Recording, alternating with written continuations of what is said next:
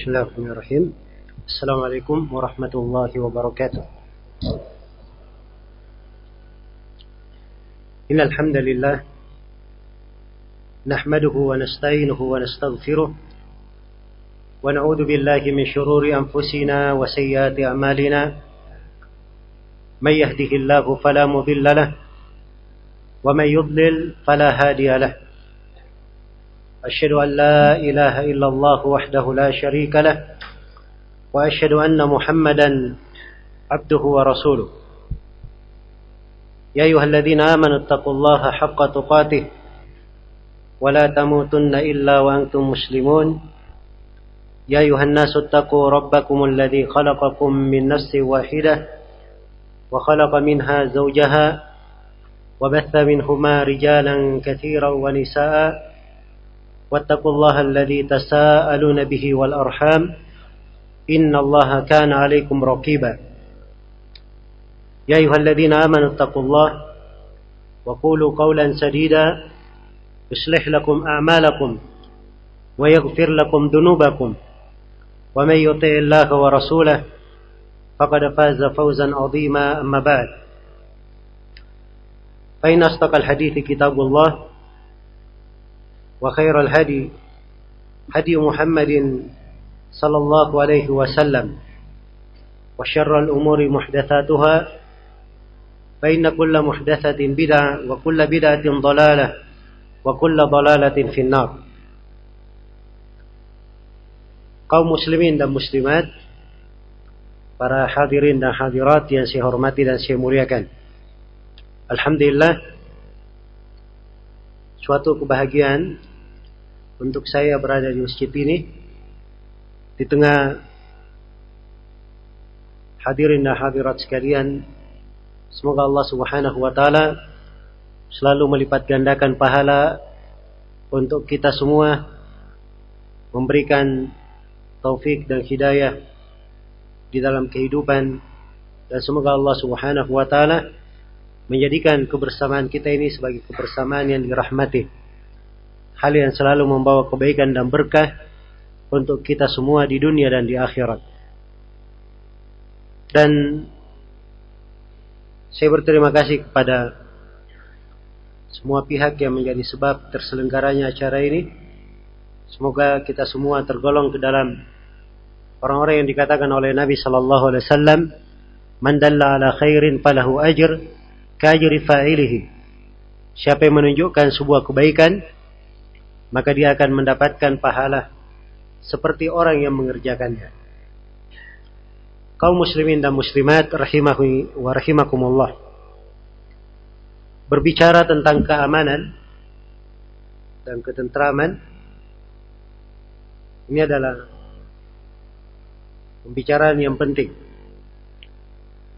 dan pembahasan yang diperlukan oleh setiap individu yang hidup di dalam sebuah masyarakat apalagi hidup di dalam sebuah negeri.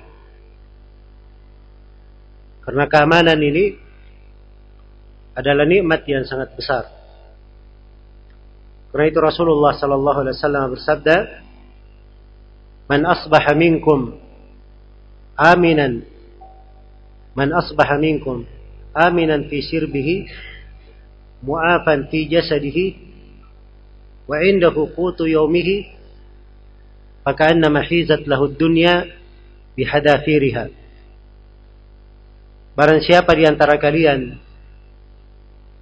yang aman di tengah keluarganya, aman di dalam keluarganya, sehat di dalam jasadnya, dan memiliki dari makanannya di hari tersebut, maka seakan-akan dunia dan segala isinya telah dikumpulkan untuknya. Jadi ini adalah nikmat yang sangat besar di mana seorang hamba itu diberi taufik oleh Allah Subhanahu wa taala mengenal dari jalan-jalan keamanan dan apa yang membuatnya berada di atas keamanan dan ketentraman. Jadi ketika Rasulullah sallallahu alaihi wasallam bersabda, man asbaha minkum aminan fi sirbihi. Barang siapa di antara kalian yang aman di dalam keluarganya. Mu'afan fi jasadihi. Sehat pada jasadnya. Wa indahu qutu yaumihi dan dia punya kecukupannya di hari itu. Iya, dia aman, sehat, ada makanan yang dia makan di hari itu. Maka seakan-akan dunia dan segala isinya sudah dikumpulkan untuknya. Dan ini kebahagiaan yang sangat besar. Tapi ini perlu seorang yang mengenal tentang apa yang disebut dengan nama qanaah merasa cukup dia mengenal tentang bagaimana dia aman di dalam kehidupannya sehingga tiga hal itu seakan-akan dia adalah orang yang memiliki dunia dan segala isinya. Keamanan ini dijaga sekali di dalam syariat kita. Sampai di masjid saya Rasulullah sallallahu alaihi wasallam memberikan dari tuntunan keamanan dijaga. Padahal masjid ini tempat yang paling aman. Iya. Dulu di masa Rasulullah orang kalau keluar dari rumahnya itu biasa bawa senjata, bawa tombak, bawa pedang. Karena kadang ada bahaya di jalan, binatang buas dan sebagainya. Dan kadang ada musuh menyerang kadang. Karena itu mereka ada persiapan-persiapan. Iya. Nah, maka tatkala membawa senjata ini sudah merupakan kebiasaan mereka, maka Nabi memberikan aturan. Kata beliau, "Idza dakhala ahadukum fi masjidina aw suqina wa ma hunabal falyumsik binisaliha." Falyumsik bini salihah, falyumsik bini salihah. Apabila salah seorang di antara kalian masuk masjid atau masuk ke pasar kami dan dia bawa tombak, hendaknya dia pegang ujungnya, runcingnya. Ya. Agar supaya jangan sampai dia tidak sengaja kena orang lain. Jadi bagaimana keamanan ini dijaga dan dipelihara. Dan Rasulullah sallallahu alaihi wasallam juga bersabda, "La yahillu li muslimin ay yurawi akhakul muslim." Tidaklah halal bagi seorang muslim dia membuat takut saudaranya muslim yang lainnya. Jadi bukan dari akhlak seorang muslim dia membuat takut saudaranya. Apakah dengan suara ribut-ribut, dia kagetkan. Apalagi kadang sebagian orang bikin aksi kumpul massa dan sebagainya. Membuat orang khawatir takut. Iya. Dan muslim itu tidak halal dia membuat muslim yang lainnya takut. Itu adalah hal yang dilarang di dalam agama kita. Karena itu pembahasan tentang keamanan ini pembahasan dibahas secara lengkap di dalam fikih Islam. Iya. Keamanan itu bukan hanya di keamanan fisik saja. Bukan hanya di keamanan bagaimana seorang itu mempelajari teknologi, kemudian dia mengembangkan dari teknologi dengan sistem yang canggih sehingga bisa terdeteksi perbuatan-perbuatan kriminal bisa ditangani dan sebagainya. Keamanan bukan itu saya. Di dalam syariat kita, keamanan jenis ini diperhatikan, tidak ada keamanan lebih besar daripada itu. Itu keamanan di dalam berpikir dan di dalam berkeyakinan. Ini adalah hal yang dijaga di dalam syariat kita. Sebab kalau dia berpikirnya aman, berpikirnya bagus, maka yang terlahir dari orang tersebut dari kegiatan dan perbuatan juga akan membawa keamanan. Tapi kalau gaya berpikirnya sudah gaya berpikir yang tidak membawa keamanan. Senangnya berbuat kerusakan, ribut-ribut. Maka inilah yang memberikan pengaruh yang jelek di dalam tindakan dan perilakunya. Iya. Karena itu syariat kita mengatur dari tuntunan-tuntunan asas-asas yang dengannya tegak keamanan dan ketentraman itu. Dan ini sekali lagi pembahasan yang sangat penting. Bahkan di sorga kelak, salah satu nikmat penduduk sorga, mereka dalam keamanan. Innal muttaqina fi maqamin amin, fi jannati wa uyun. Allah berfirman, sungguhnya orang-orang yang bertakwa berada di kedudukan yang aman dalam sorga-sorga dan sungai-sungai yang mengalir. Jadi disebut dengan sifat keamanan. Iya. Jadi kalau dia adalah orang yang memiliki dari pemikiran yang aman, keyakinan yang aman, kehidupan yang membawa keamanan, ini adalah bekal yang baik untuk masuk ke sorga. Karena kaidahnya al-jaza min jinsil amal. Balasan itu dari jenis amalan. Jadi kalau dia berbuat sebuah amalan yang baik, maka dari kebaikan yang dia buat dibalas semisal dengannya. Iya. Jadi kalau dia hidupnya adalah orang yang menegakkan keamanan, mengajarkan keamanan, berperilaku membawa keamanan di tengah manusia, maka dia lebih pantas dibalas dengan hal yang semisal dengannya. Dan sorga itu adalah tempat yang dikatakan sebagai maqamun amin. Kedudukan yang penuh dengan keamanan. Iya. Maka ini adalah hal yang hendaknya kita perhatikan dengan baik bahwa menjaga keamanan ini dari pokok yang diperhatikan di dalam syariat kita yang agung. Tentunya banyak sekali dari pembahasan-pembahasan asas-asas dasar-dasar tegaknya keamanan dan kesejahteraan di sebuah negeri. Iya. Namun di kesempatan ini saya akan membacakan beberapa ayat dan beberapa hadis yang merupakan panduan untuk kita semua.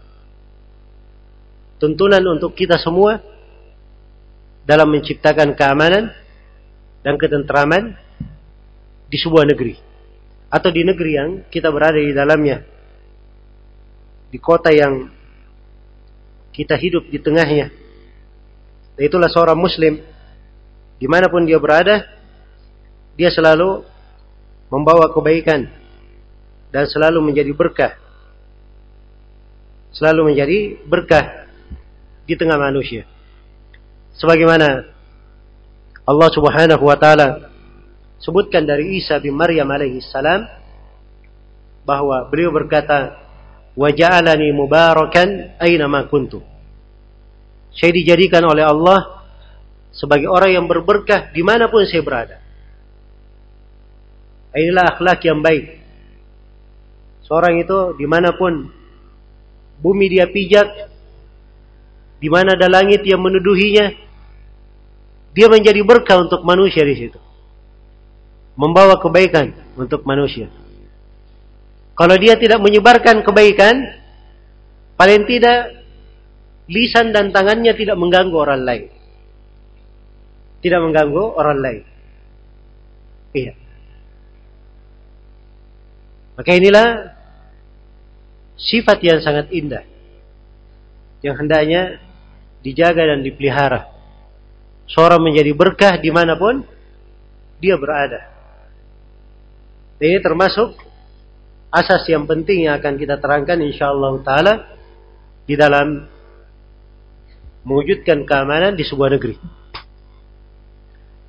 Saya akan mulai di pembahasan kita ini dengan membaca sebuah ayat terdapat di dalamnya dasar tegaknya keamanan. Iya. Ayatnya di surah Al-Mu'minun. Uh, maaf, di surah An-Nur. Ayat di surah An-Nur ayat 55. Allah Subhanahu wa taala berfirman, "Wa'adallahu alladhina amanu minkum wa 'amilus salihat la yastakhlifannahum fil ardi kama istakhlafa alladhina min qablihim wa la yumakkinanna lahum dinahum alladhi irtada lahum wa la yubaddilannahum min ba'di khawfihim wa la yubaddilannahum min ba'di khawfihim amna ya'budunani la yushrikuna bi syai'a ومن كفر بعد ذلك فأولئك هم الفاسقون وعد الله الذين آمنوا منكم Allah menjanjikan kepada orang yang beriman di antara kalian wa amilus salihat dan orang yang beramal salih la yastakhlifannahum fil ard sungguh Allah akan membuat mereka ini berkuasa di atas muka bumi. Memimpin di atas muka bumi. Kama istakhlafa alladziina min qablihim. Sebagaimana orang-orang sebelumnya mereka berkuasa. Yumakkinanna lahum dinahum alladzi irtada lahum. Dan sungguh Allah akan memapankan mengukuhkan agama yang Allah ridai untuk mereka wala yubaddilannahum min ba'di khaufihim amna. Dan Allah akan mengganti untuk mereka rasa takut, eh, mengganti untuk mereka rasa aman yang sebelumnya mereka berada dalam ketakutan. Ya'budunani la yusyrikuna bi syai'a. Mereka beribadah hanya kepadaku, tidak pernah berbuat kesyirikan dengan suatu apa pun. Waman kafara ba'da dzalika faulaika humul fasiqun. Barang siapa yang kafir setelah itu, mereka inilah orang-orang yang fasik. Ini ayat terdapat di dalamnya penjelasan tentang dasar terciptanya keamanan. Bagaimana seorang itu menjadi orang yang dimapankan di atas muka bumi. Penuh dengan keamanan. Di dalam ayat disebutkan syaratnya. Dua kali ditegaskan. Di awal dan di akhir. Wa'adallahu alladhina amanu minkum. Allah menjanjikan kepada orang yang beriman di antara kalian. Ini syaratnya. Diberikan kepada siapa? Orang yang beriman. Di antara kalian. Wa amilus salihat dan beramal salih. Jadi ini dua syarat. Dua asas tegaknya keamanan di sebuah negeri. Keimanan dan amalan salih.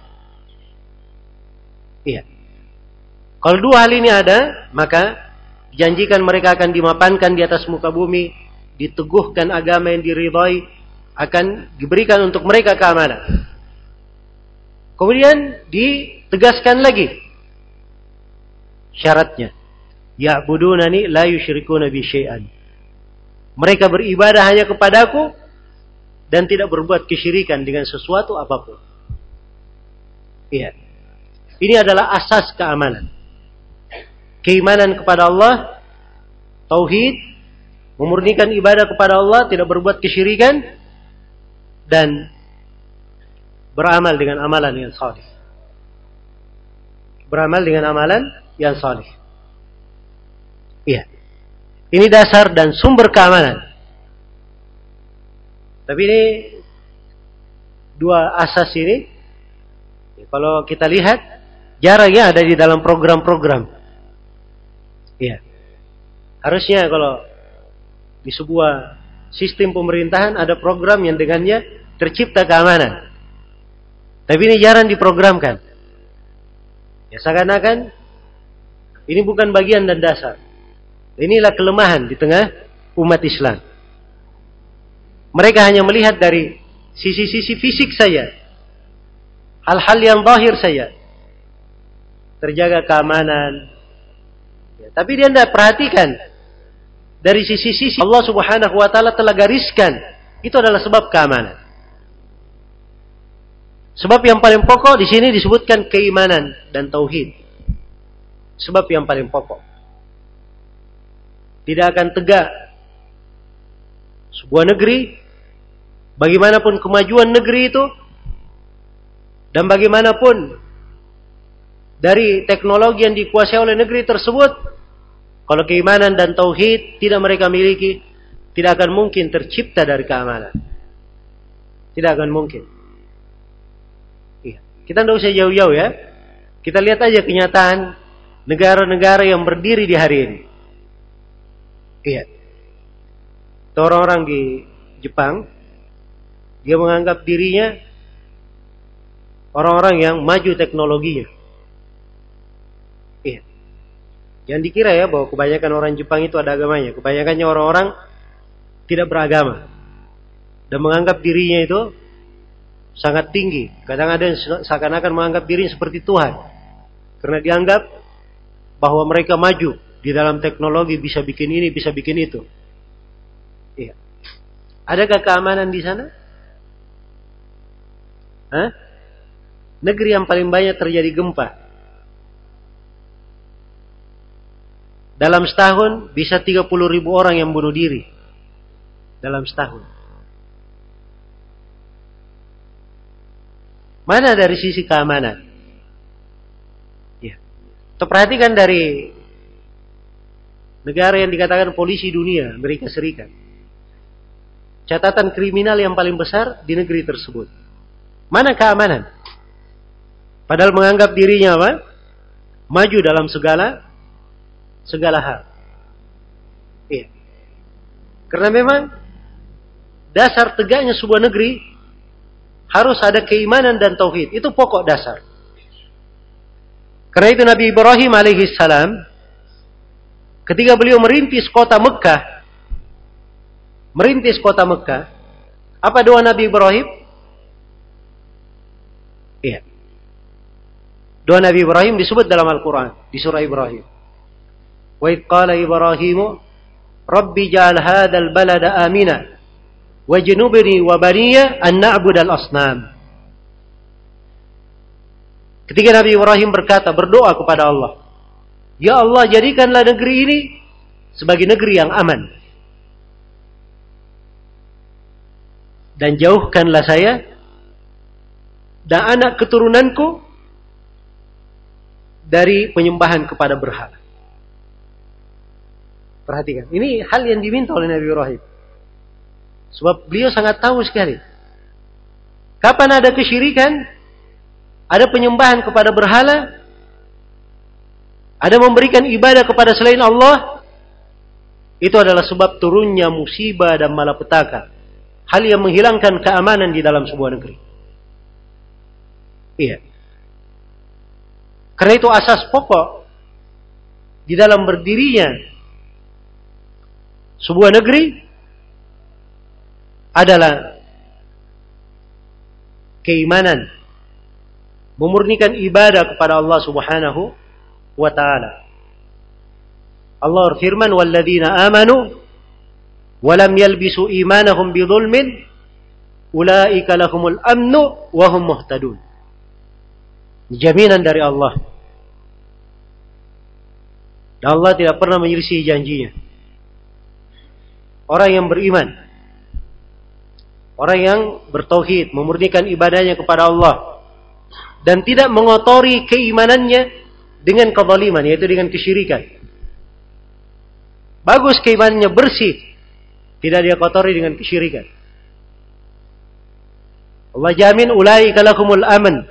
Untuk mereka ini keamanan. Jadi kalau kita bahas dalam bahasa Arabnya, Ulaika lahumul amnu, kata al-amnu di sini. Dia pakai alif lam. Yang bermana al-istighraq, mencakup seluruh jenis keamanan diberikan untuknya.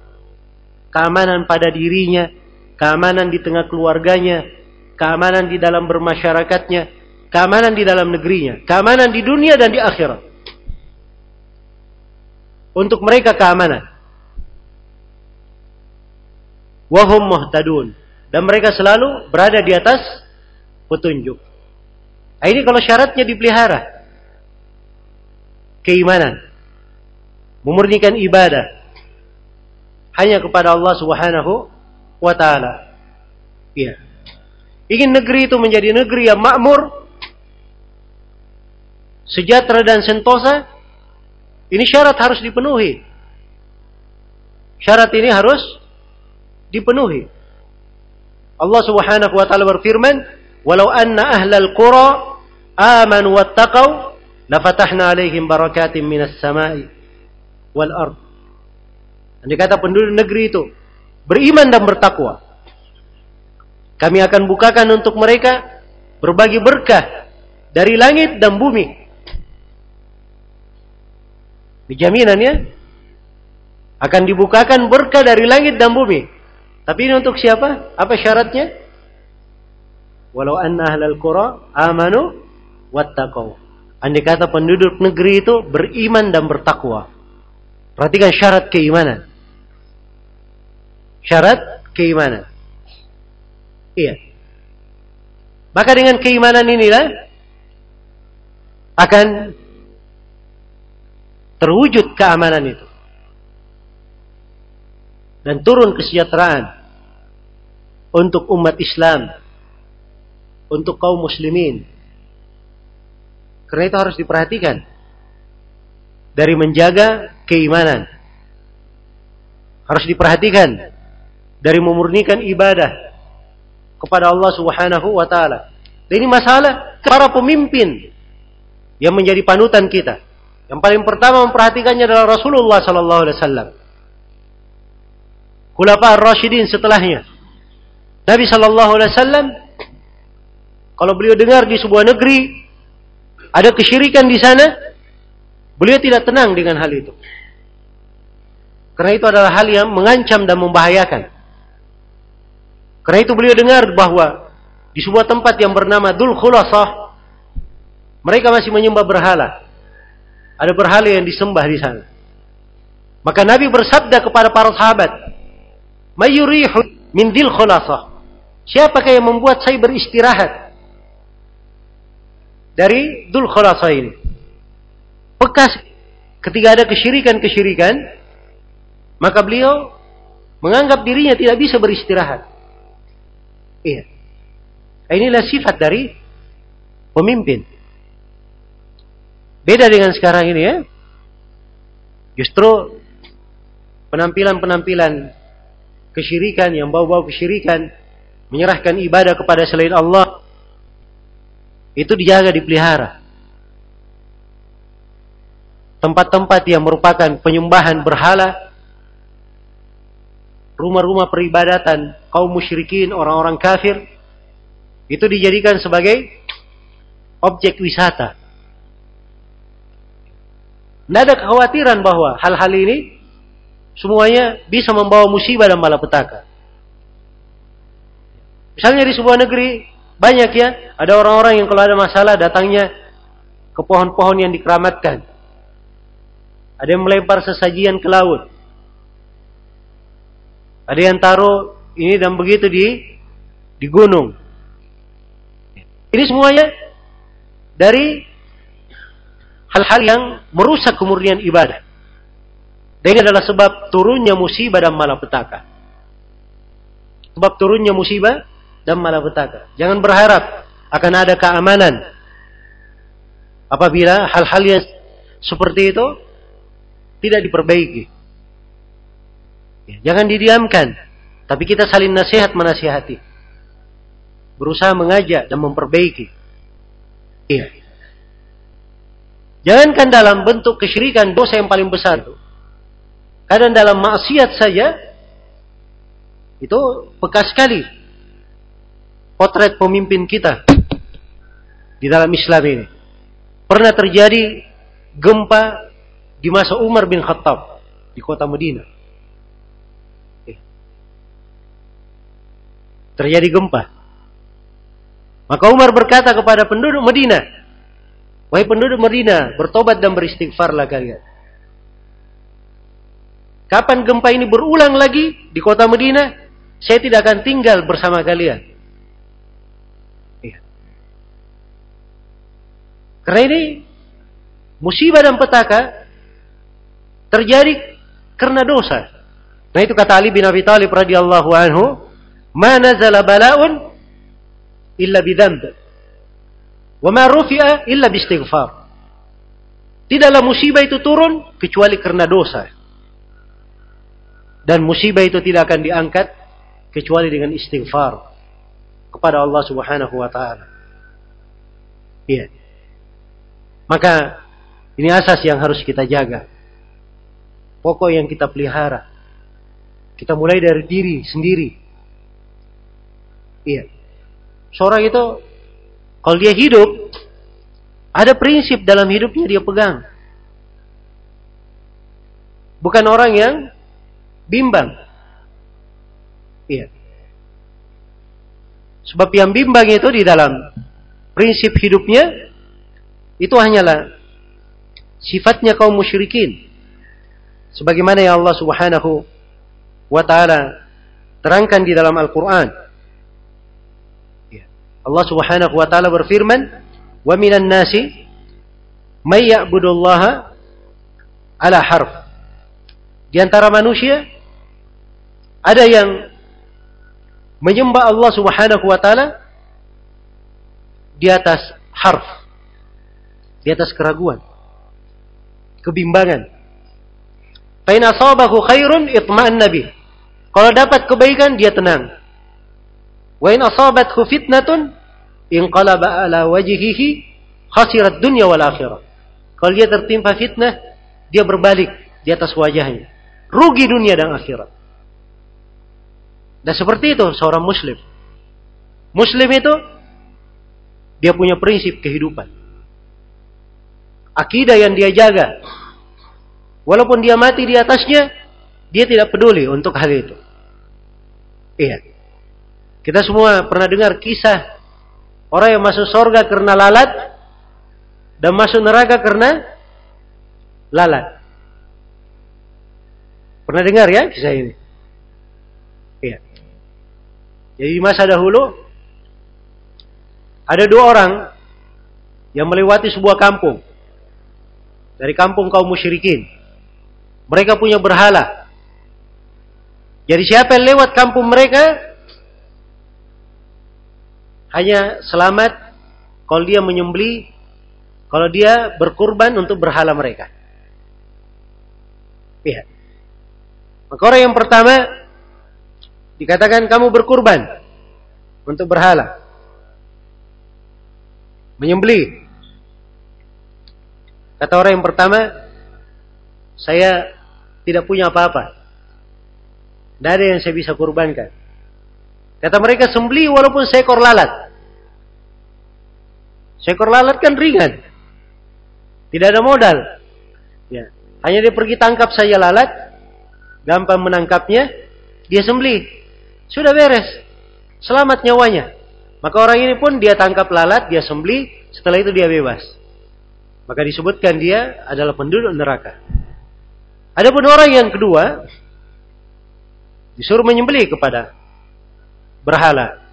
Dia berkata, saya tidak mau menyembeli, saya tidak punya apa-apa. Dan saya tidak akan menyembeli untuk siapa pun selain daripada Allah Subhanahu wa taala. Kata mereka sembeli walaupun seekor lalat. Kata orang ini tidak, saya tidak akan melakukannya. Dia pun dibunuh karena hal itu. Dan dia masuk surga. Perhatikan. Ah, ini tauhid namanya.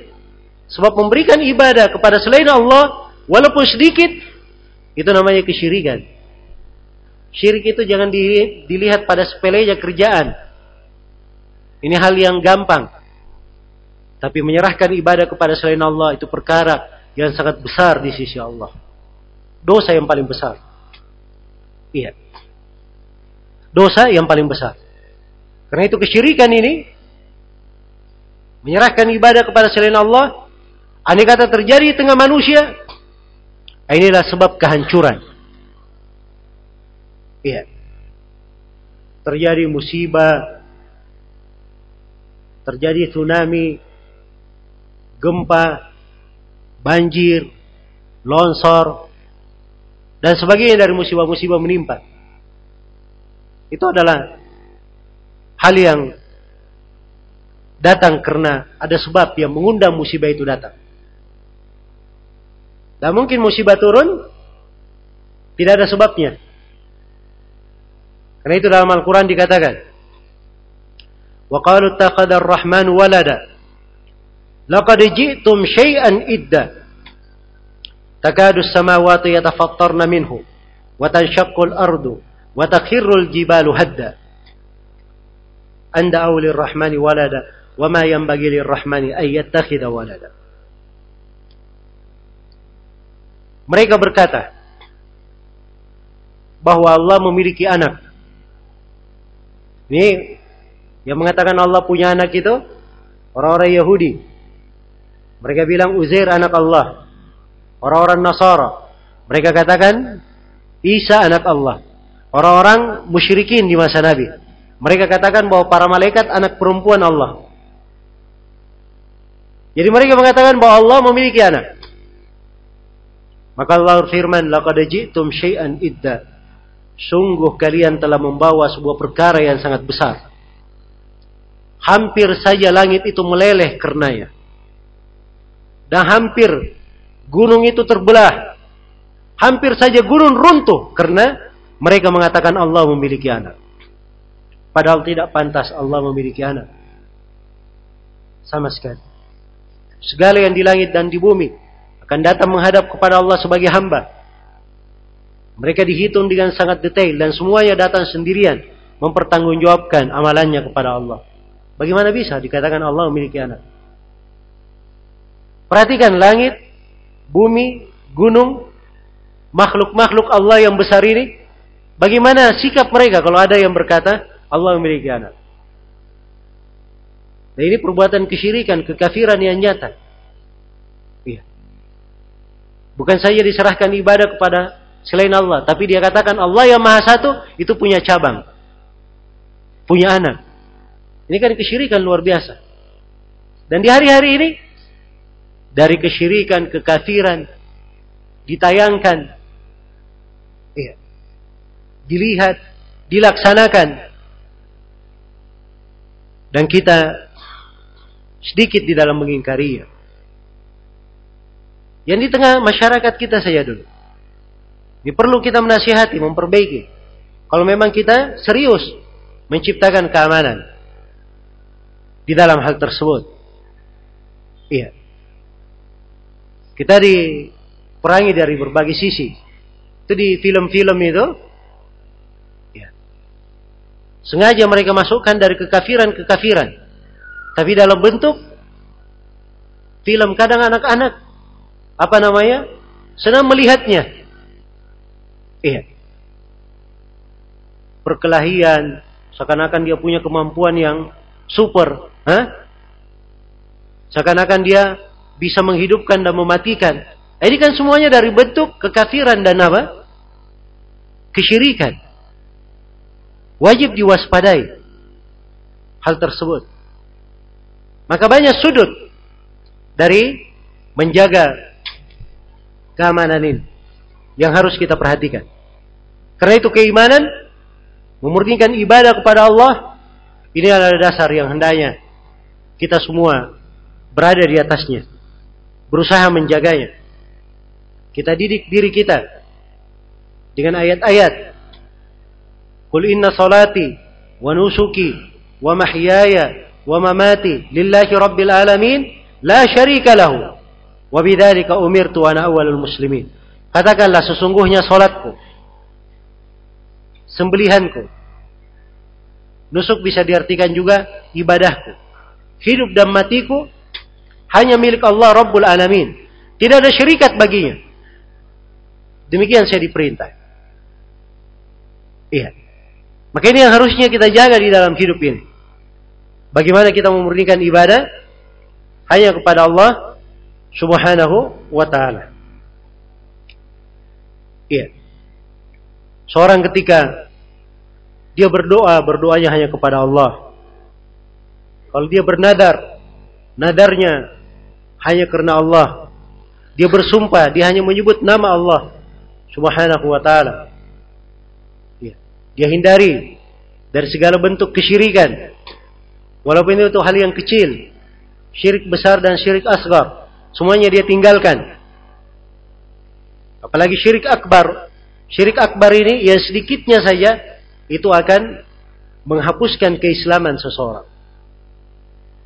Jangankan kita, para nabi dan para rasul diancam oleh Allah Subhanahu wa taala. Allah berfirman, "Wa laqad uhiya ilaika wa ila alladziina min qablik lain asyrakta la yahbatanna 'amakunanna minal khasirin." Sungguh telah diwahyukan kepada engkau Nabi Muhammad dan telah diwahyukan kepada para nabi sebelum engkau. Andai kata engkau berbuat kesyirikan, niscaya akan hancur seluruh amalan. Dan engkau akan menjadi orang yang merugi. Ini nabi dan para rasul. Iya. Di surah Al-An'am disebutkan beberapa nabi, belasan nabi disebut. Kemudian Allah berfirman, "Walau asyraku lahabita anhum ma kanu ya'malun." Andai kata mereka berbuat kesyirikan, akan hancur seluruh amalan yang mereka kerjakan. Ingat, syirik akbar itu adalah hal yang menggurkan dosa, menghancurkan amalan, menghancurkan amalan. Amalannya walaupun banyak di dunia ini, dia puasa setiap tahun, dia sholat setiap hari, lengkap, sholat sunnahnya, sholat wajibnya, puasa Ramadannya, puasa sunnahnya, dia banyak bersedekah, walaupun dia bersedekah dengan bergunung-gunung emas. Kalau dia menghadap kepada Allah dalam keadaan berbuat kesyirikan. Amalannya itu dikatakan dalam Al-Qur'an wa qadimna ila ma amilu min amalin faj'alnahu haba'an mansura. Kami hadapi amalan yang mereka lakukan lalu kami jadikan amalannya bagikan debu yang berterbangan. Tidak dianggap oleh Allah Subhanahu wa taala. Iya. Karena itu ini adalah masalah yang serius. Ini dan ini adalah asas dan dasar pokok tegaknya keamanan. Karena itu Rasulullah sallallahu alaihi wasallam awal kali merintis negeri Islam, beliau menyebarkan Islam, dakwah beliau yang pertama adalah tauhid, mengajak manusia untuk mengucapkan la ilaha illallah, tidak ada yang berhak diibadahi kecuali Allah, memurnikan ibadah hanya kepada Allah, meninggalkan kesyirikan. Demikian 10 tahun beliau berdakwah. Atau 13 tahun beliau berdakwah di fase Mekah. 13 tahun ini barulah berbuah muncul negeri Islam. Berdiri di kota Medina negeri Islam. Khilafah baru berdiri di kota Medina. Maka Nabi pun hijrah ke kota Medina. Berhijrah ke kota Medina. Iya. Jadi negara, negeri itu adalah buah dari apa? Dari tauhid. Jadi kalau diperhatikan dari tauhid ini, diperhatikan dari keimanan ini, maka itu insya Allah taala adalah sebab dan asas pokok di dalam keamanan. Iya. Iman itu mencakup keimanan kepada Allah. Keimanan kepada para malaikat, keimanan kepada kitab-kitab, keimanan kepada para rasul, keimanan kepada hari akhirat, Keimanan kepada takdir yang baik dan yang buruk. Iya. Itu keimanan. Dan iman itu memiliki cabang-cabang. Kata Nabi Shallallahu Alaihi Wasallam, al-imanu bid'un wa sab'una syu'bah. Iman itu 73 sampai 79 cabang. A'laha qawlu la ilaha illallah. Yang paling tingginya adalah ucapan la ilaha illallah. Wa adnaha imatatul ada anit tariq. Paling bawahnya adalah menyingkirkan gangguan dari jalan. Itu cabang keimanan. Wal haya'u syu'batun minal iman. Dan rasa malu itu bagian dari keimanan. Bagian dari keimanan. Iya. Maka di atas keimanan inilah seorang berputar. Itulah yang kita ajak, kita bimbing keluarga kita, kita bermula dari diri kita, kemudian keluarga kita, orang-orang di sekitar kita.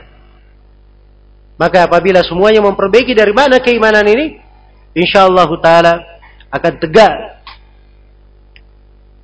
suatu keamanan di dalam negeri. Dan akan berdiri negeri yang sesuai dengan tuntunan syariat. Iya. Maka ini dasar dan pokok yang harusnya dijaga. Jadi kalau ingin bikin program keamanan, ini adalah hal yang paling pertama diperhatikan. Hal yang paling pertama diperhatikan.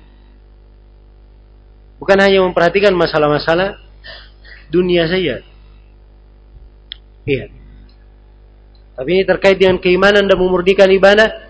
Ini adalah pokok yang harusnya dijaga dan dipelihara. Baik. Jadi di ayat yang pertama saya sudah bacakan dari surah An-Nur. Syarat ya'budunani la yusyrikuna bi syai'a. Syarat dari keamanan mereka beribadah kepada Allah saja dan tidak berbuat kesyirikan. Sama sekali tidak berbuat kesyirikan. Jadi orang yang beriman dan beramal salih. Kemudian yang kedua dari apa yang disebut di dalam ayat dari asas tegaknya keamanan di sebuah negeri adalah amalan yang salih. Amalan yang salih. Sekarang saya mau bertanya. ya, semua orang sudah tahu ya apa itu amalan salih. Sering dengar kalimat amalan salih itu apa? Iya. Tapi mungkin pertanyaan yang penting di sini kapan sebuah amalan dikatakan sebagai amalan yang salih? Ada tiga syarat. Harus terpenuhi. Barulah amalan itu dikatakan sebagai amalan yang apa? Yang salih. Syarat yang pertama, pelaku amalan salih ini adalah orang yang baik akidahnya. Lurus keimanannya. Syarat yang kedua, dia ikhlas dalam amalannya. Dan syarat yang ketiga, dia mencocoki petunjuk Nabi Sallallahu Alaihi Wasallam di dalam amalannya. Kalau tiga syarat ini terpenuhi, barulah dia dihitung beramal dengan apa? Amalan yang salih. iya. Sekarang periksa saya. Seorang mau beramal amalan salih, periksa dulu tiga syarat. Yang pertama terkait dengan orangnya dulu. Orangnya ini harus beriman. Sebab kalau dia kafir, dia beramal dengan amalan kebaikan apa pun, tidak ada manfaatnya baginya. Iya. Demikian pula orang yang berbuat kesyirikan dengan syirik akbar. Walaupun dia sholat ikhlas kepada Allah, menangis, tersuduh-suduh, sesuai dengan petunjuk Nabi. Kalau dia kerjanya ke kuburan minta hajatnya, kerjanya memberi sesajian tempat-tempat yang dikeramatkan,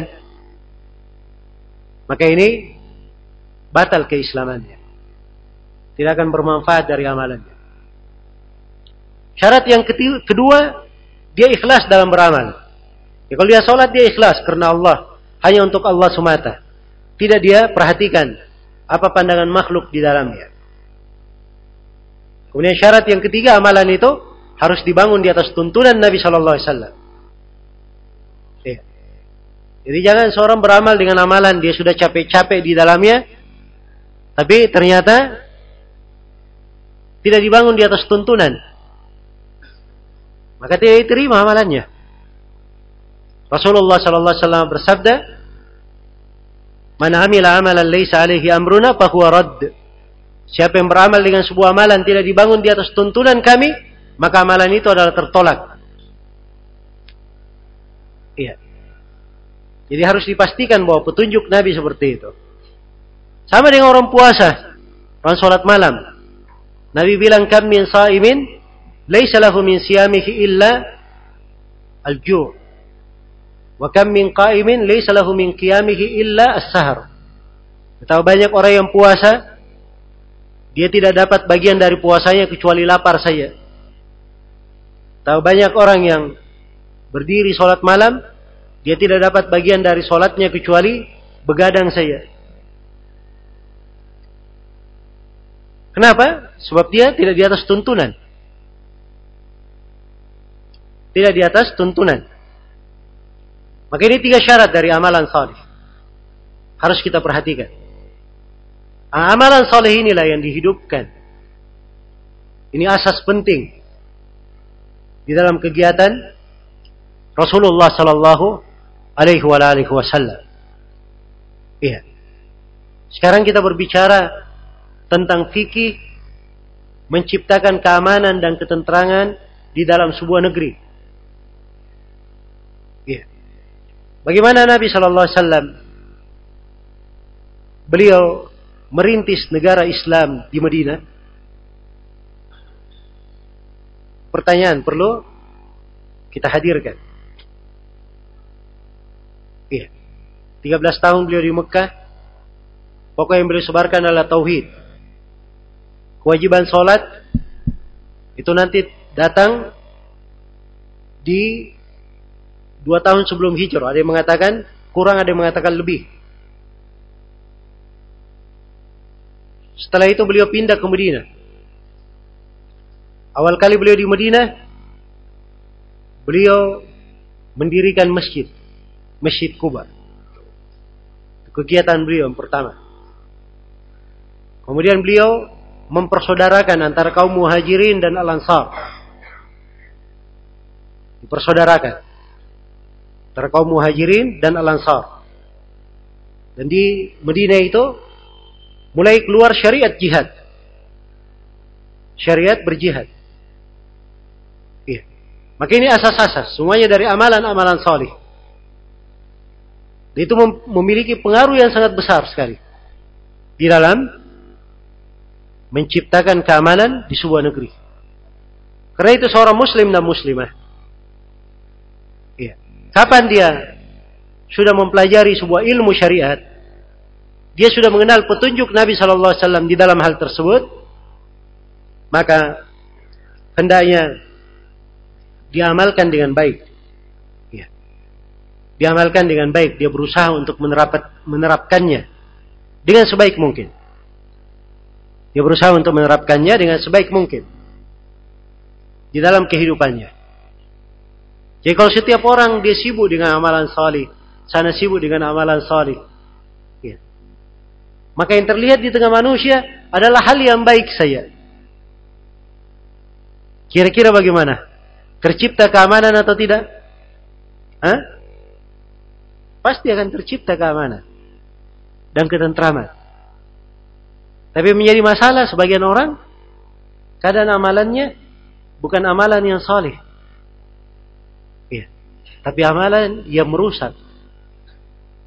Membawa kerusakan. Karena sebagai orang niatnya baik. Kalau kita melakukan demo ke pemerintah. Turun ke jalan. Bikin aksi. Menutup jalan-jalan. Bakar ban di jalan. Hah? Datang syaitan, oh, itu bagus. Kan kita perlu mengemukakan inspirasi kita. Usulan yang bagus. Iya. Mereka ini nggak tahu bahwa itu amalan bukan amalan yang salih. Apa pun niatnya. Kenapa? Sebab itu tidak ada di dalam tuntunan agama. Karena itu tidak ada di dalam prinsip agama kita, dalam syariat kita. Orang kalau ada tidak suka kepada pemerintah, dia kerjanya main demo, enggak. Itu tidak ada. Kalau dia ada nasihat ke pemerintah, dia nasihati secara langsung. Itu nasihat namanya. Nasihat itu dia menasihati secara langsung, memperbaiki. Bukan teriak-teriak di jalanan. Tidak di jalan apa yang dia perbaiki?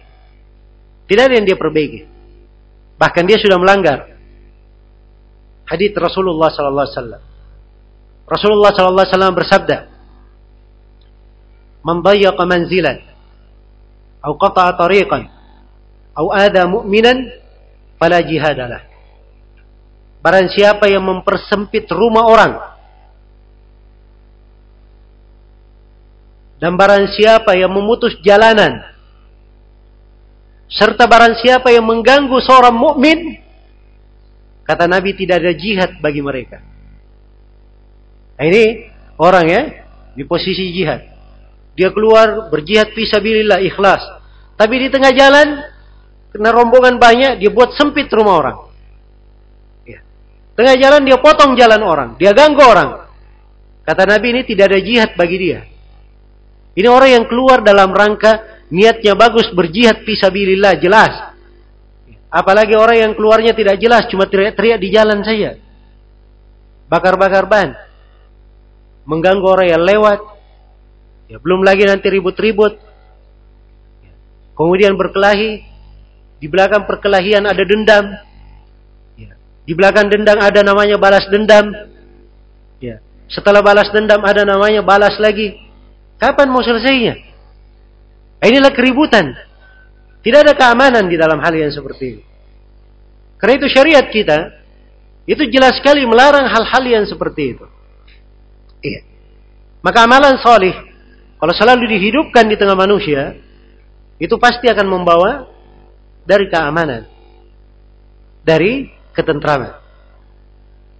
Baik, ini asas yang kedua untuk tegaknya sebuah negeri. Kita petik dua asas dari satu ayat. Di surah Nur tadi, ayat keberapa tadi? Hah? Surah Nur ayat keberapa tadi? Ayat 55 ya? Baik. Sekarang saya akan bacakan sebuah hadis dari Rasulullah Sallallahu Alaihi Wasallam. Terdapat di dalamnya tiga asas dari tonggak keamanan di dalam hadis ini.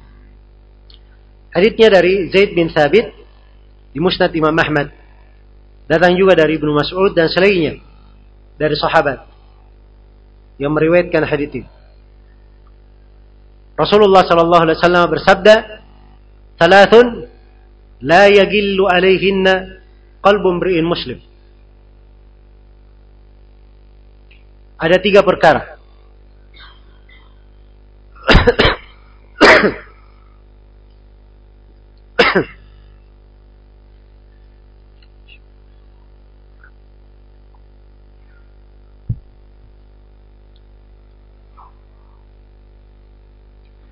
Ada tiga perkara yang hati seorang muslim itu tidak akan membawa gil sama sekali. Tidak akan membawa dengki, dendam, dan hasad. Iya. Yang pertama kata Nabi Shallallahu Alaihi Wasallam, ikhlasul amalulillah.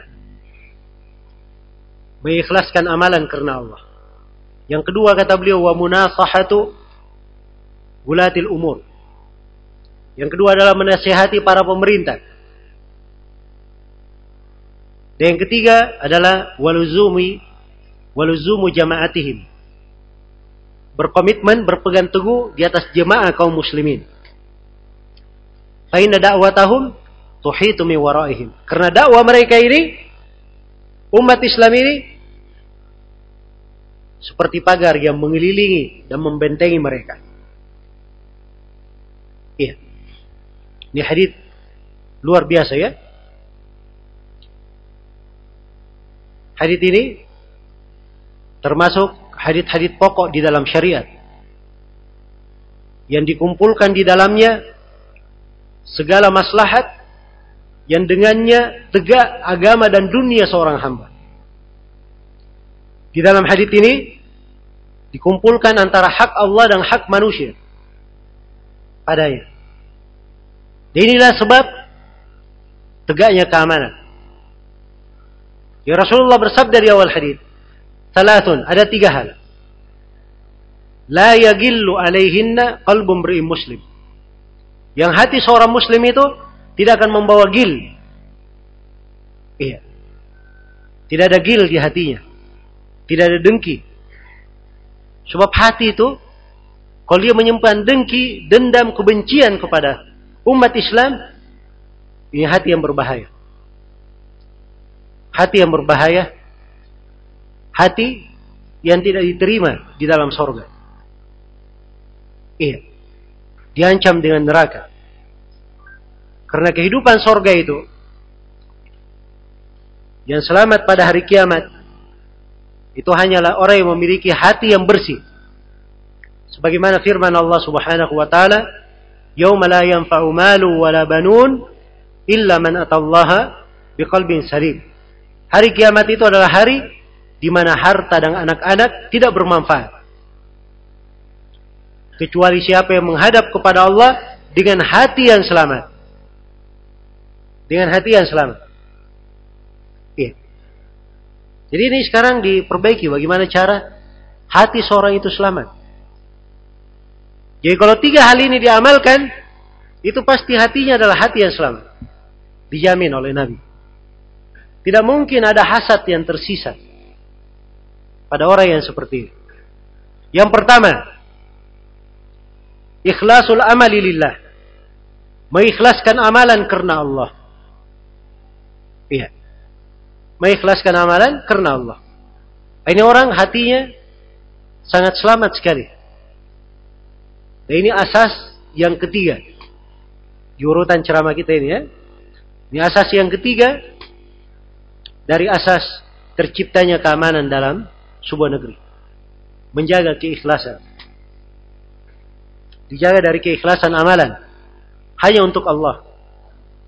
Dia beramal karena Allah subhanahu wa ta'ala. Bukan untuk yang lainnya. Iya. Dia perhatikan. Sebab kalau dia beramal untuk manusia, itu repot. Dia beramal, ujian manusia yang dia cari. Dia bergerak, kalau ada banyak orang dia lihat. Iya. Tapi orang yang ikhlas, dia hanya mencari ridha Allah. Walaupun dia sendiri tetap dia bekerja. Iya. Walaupun dia didolimi, haknya dirampas, ya, haknya tidak diberikan, tapi karena keikhlasannya kepada Allah, dia tetap beramal, bekerja dengan benar. Bekerja dengan benar. Iya. Maka keikhlasan ini akan membantu seseorang dalam mewujudkan keamanan pada dirinya dan pada keluarganya serta di tengah manusia secara umum di dalam negerinya. Iya. Bagaimana dia ikhlas di dalam beramal. Jadi ketika dia berbicara misalnya atau melakukan amalan ya bukan karena dia menunggu pujian si A atau si B Bukan pula untuk mencari ridho manusia. Membuat misalnya pemerintah ridho kepadanya.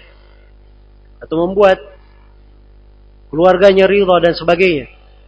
Tapi dia lakukan amalan itu ikhlas karena Allah Subhanahu wa taala. Inilah yang membawa kebaikan untuk seorang hamba.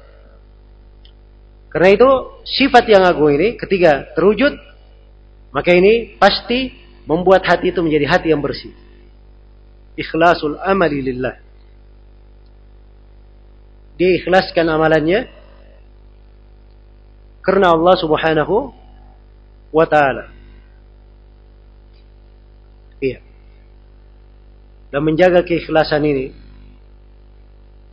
adalah hal yang berat. Tapi dia adalah perkara yang indah Siapa yang sudah masuk di dalamnya, Allah Subhanahu wa taala akan memudahkan jalannya. Akan memudahkan jalannya. Ikhlas ini inilah yang membuat seorang itu tidak ada henti-hentinya dia bekerja dan bekerja.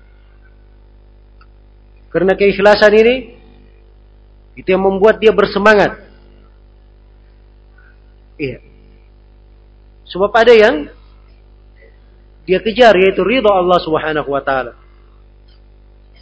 Dia mencari dari ridha Allah Subhanahu wa taala. Iya. Maka itu dari keikhlasan. Dan ini terlihat ya pendidikan ikhlas. Bagaimana keikhlasan itu memberi pengaruh kepada seorang pemimpin dan yang dipimpin. Kepada penguasa maupun rakyat. Apabila ikhlas dia di dalam amalannya, maka akan baik semuanya. Akan baik semuanya. Si pemimpin ketika dia bekerja, dia bekerja memang karena ada tanggung jawab dan tugas yang dia tunaikan kepada Allah. Dia tidak peduli kepada apa pujian manusia, sanjungan manusia di dalam hal tersebut. Dan si rakyat ketika dia bekerja bukan karena pemimpinnya. Karena dia diperintah memang seperti itu. Iya. Maka inilah keikhlasan yang dijaga.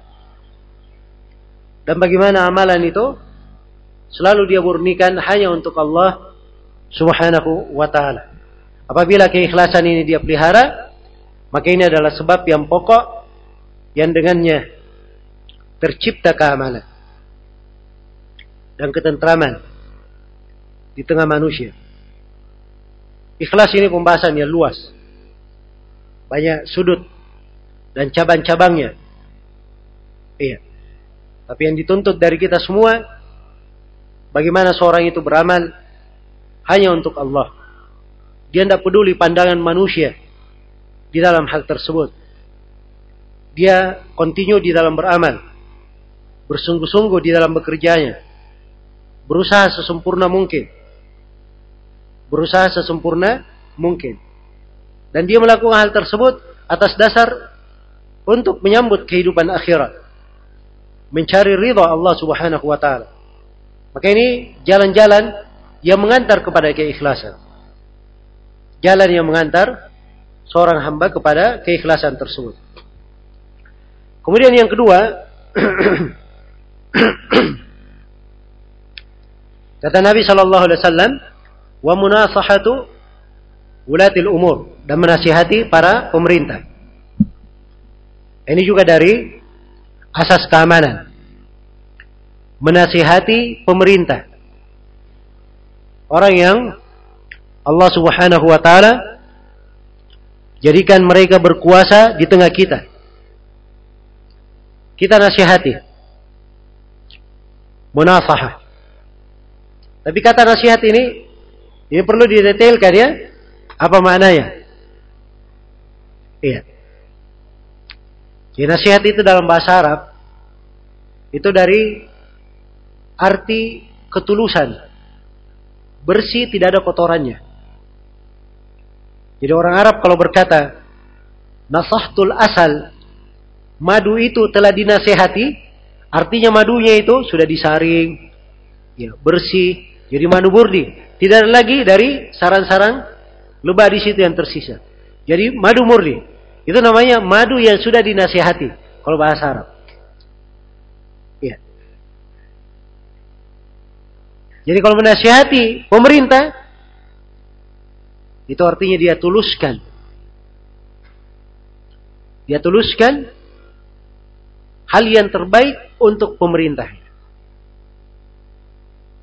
Karena nasihat ini itu adalah agama dari pokok agama. Karena itu Rasulullah Sallallahu Alaihi Wasallam bersabda dalam hadis Tamim bin Aus Ad-Dari yang diriwayatkan oleh Imam Muslim, "Ad-dinun nasiha." Agama itu adalah nasihat. Ad-dinun nasiha, agama adalah nasihat. Ad-dinun nasiha, agama adalah nasihat. Tiga kali diulangi oleh Nabi Sallallahu Alaihi Wasallam bahwa agama itu adalah apa? Nasihat. Kemudian para sahabat bertanya, liman nasihat untuk siapa ya Rasulullah? Kata beliau lillahi wali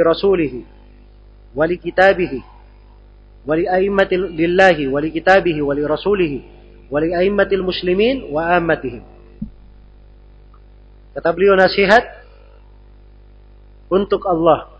Nasihat untuk kitab Allah. Nasihat untuk Rasulnya. Nasihat untuk para pemimpin kaum muslimin. Dan nasihat untuk kaum muslimin secara umum. Nah di sini saya tadi luruskan ya pemahaman nasihat dalam bahasa Arab. Sebab kalau kita kata nasihat, kita ingat bahasa Indonesia, bahasa Indonesia itu si asalah, saya nasihati kan begitu. Itu bahasa Indonesia. Itu bagian dari nasihat kalau bahasa Arab. Tapi kata nasihat dalam bahasa Arab lebih luas lagi. Dia cocoknya diartikan ketulusan. Dia berikan hal yang paling indah, paling baiknya. Nasihat namanya. Iya. Nasihat.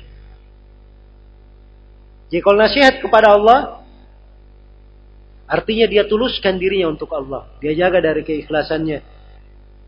Dia beribadah kepada Allah dengan sebenar-benar ibadah. Dia menjauhi segala bentuk kesyirikan. Dia mengagungkan Allah di dalam penciptanya, di dalam uluhiyahnya, di dalam nama-nama dan sifat-sifatnya. Dan di dalam segala perbuatannya. Iya. Nasihat kepada kitab Allah adalah dengan mempelajari Al-Quran. Dia tadabbur terhadap kandungannya. Dia amalkan dari Al-Quran tersebut dia bela Al-Quran itu. Diajarkan kepada manusia. Itu termasuk nasihat terhadap kitab Allah. Nasihat kepada Rasul. Dia ikuti jalan Rasulullah SAW. Dia tinggalkan segala yang dilarang oleh Nabi. Dia mencintai Nabi lebih daripada seluruh manusia yang lainnya. Dia mempercayai segala yang dikabarkan oleh Nabi Sallallahu Alaihi Wasallam yang paling pentingnya lagi, dia tidak beramal dengan apa pun dari agama ini kecuali dibangun di atas petunjuk Nabi Shallallahu Alaihi Wasallam. Yang keempat adalah nasihat terhadap para pemimpin kaum muslimin. Ini nasihat kepada pemimpin. Nasihat kepada pemimpin apa bentuknya? Ini yang kita akan jelaskan di pembahasan ini. Dan yang kelima nasihat kepada keumuman kaum muslimin pada kaum muslimin secara umum dinasihati, dijaga, dipelihara, ada hal yang jelek di tengah mereka, dihindarkan mereka dari kejelekan, terjadi kerusakan kepada di tengah mereka, mereka dinasihati untuk menghindari kerusakan itu, diberikan kepada mereka hal-hal yang dengannya tercipta kebaikan dan kesejahteraan untuk mereka. Karena itu para nabi dan para rasul sifat utama mereka adalah an-nasih, mereka adalah para penasihat. Ya, karena itu Nabi Nuh disifatkan sebagai nasih. Nabi Hud beliau berkata nasihun amin. Dirinya adalah penasihat yang terpercaya. Ya. Demikian pula Nabi Salih dan para nabi yang lainnya. Tapi sebagaimana yang dikatakan oleh Nabi Salih, walakin la tuhibbuna nasihin tapi kalian ini tidak menyenangi orang-orang yang memberi nasihat. Subhanallah. Kita ini sangat banyak sekali diberikan tuntunan, ajaran, nasihat yang memperbaiki kita. Tapi subhanallah banyak dari kita yang tidak mengindahkannya. Ada perumpamaan yang mendalam sekali disebutkan oleh Ibnul Qayyim rahimahullahu taala. Ini perumpamaan tentang anjing pemburu. Iya. Pernah dengar ya? Fikih tentang anjing pemburu. Jadi kalau anjing itu dia adalah anjing pemburu, kapan dia apa namanya dilepas? Cukup baca Bismillah pemiliknya, anjingnya nangkap hewan, maka hasil tangkapannya, kalau datang dalam keadaan sudah mati, halal untuk dimakan. Ya, dilebihkan anjing pemburu ini. Nah, dilebihkan kedudukannya. Anjing terlatih untuk berburu. Tapi kalau yang tidak terlatih, ya, nggak boleh seperti itu. Bahkan kalau misalnya ada anjing terlatih nih, mengejar rusa. Kemudian ternyata diketemukan rusa ini sudah mati, ada anjing terlatih di situ, dan ada anjing tidak terlatih di situ. Maka keberadaan anjing yang tidak terlatih ini menyebabkan rusa itu menjadi bangkai. Tidak boleh dimakan. Kenapa? Sebab tidak tahu yang mana yang membunuh rusa itu. Yang terlatih atau tidak terlatih. Jadi bayangkan yang tidak terlatih ini menjadi sebab rusa ini tidak bisa dimakan. Sekarang anjing terlatih ditinggikan derajatnya oleh Allah. Kenapa? Karena dia terlatih, terdidik. Apa definisi anjing terlatih itu? Disebut oleh para ulama, kalau dia diperintah jalan, dia jalan. Diperintah berhenti, berhenti. Dan dia tidak bergerak kecuali dengan perintah apa? Pemiliknya. Dan anjing terlatih itu, dia tidak pernah makan hewan buruan itu, walaupun dia lapar sekali. Dia tidak akan makan hewan buruan. Kecuali dengan izin apa? Izin pemiliknya. Ini anjing terlatih. Kata Ibnu Qayyim, kita ini anjing terlatih saya seperti itu bisa terlatih. Ya. Dia taat kepada tuannya, dia tidak makan hewan buruan ini karena dihormati tuannya. Kita ini betapa banyak kita dilatih oleh Allah. Betapa banyak kita diberi perintah, dilarang, tapi tidak juga kita terlatih. Ya. Tidak juga kita apa? Terlatih. Ya, maka di sini kadang perlu seorang itu memperhatikan ya bahwa di dalam kehidupan ini ada hal-hal yang harusnya kita pandai mendidik diri kita. Ya. Supaya seorang itu lebih dekat kepada Allah Subhanahu wa taala. Baik, jadi saya kembali kepada makna wa munasahatu ulatil amr dan menasehati para pemerintah.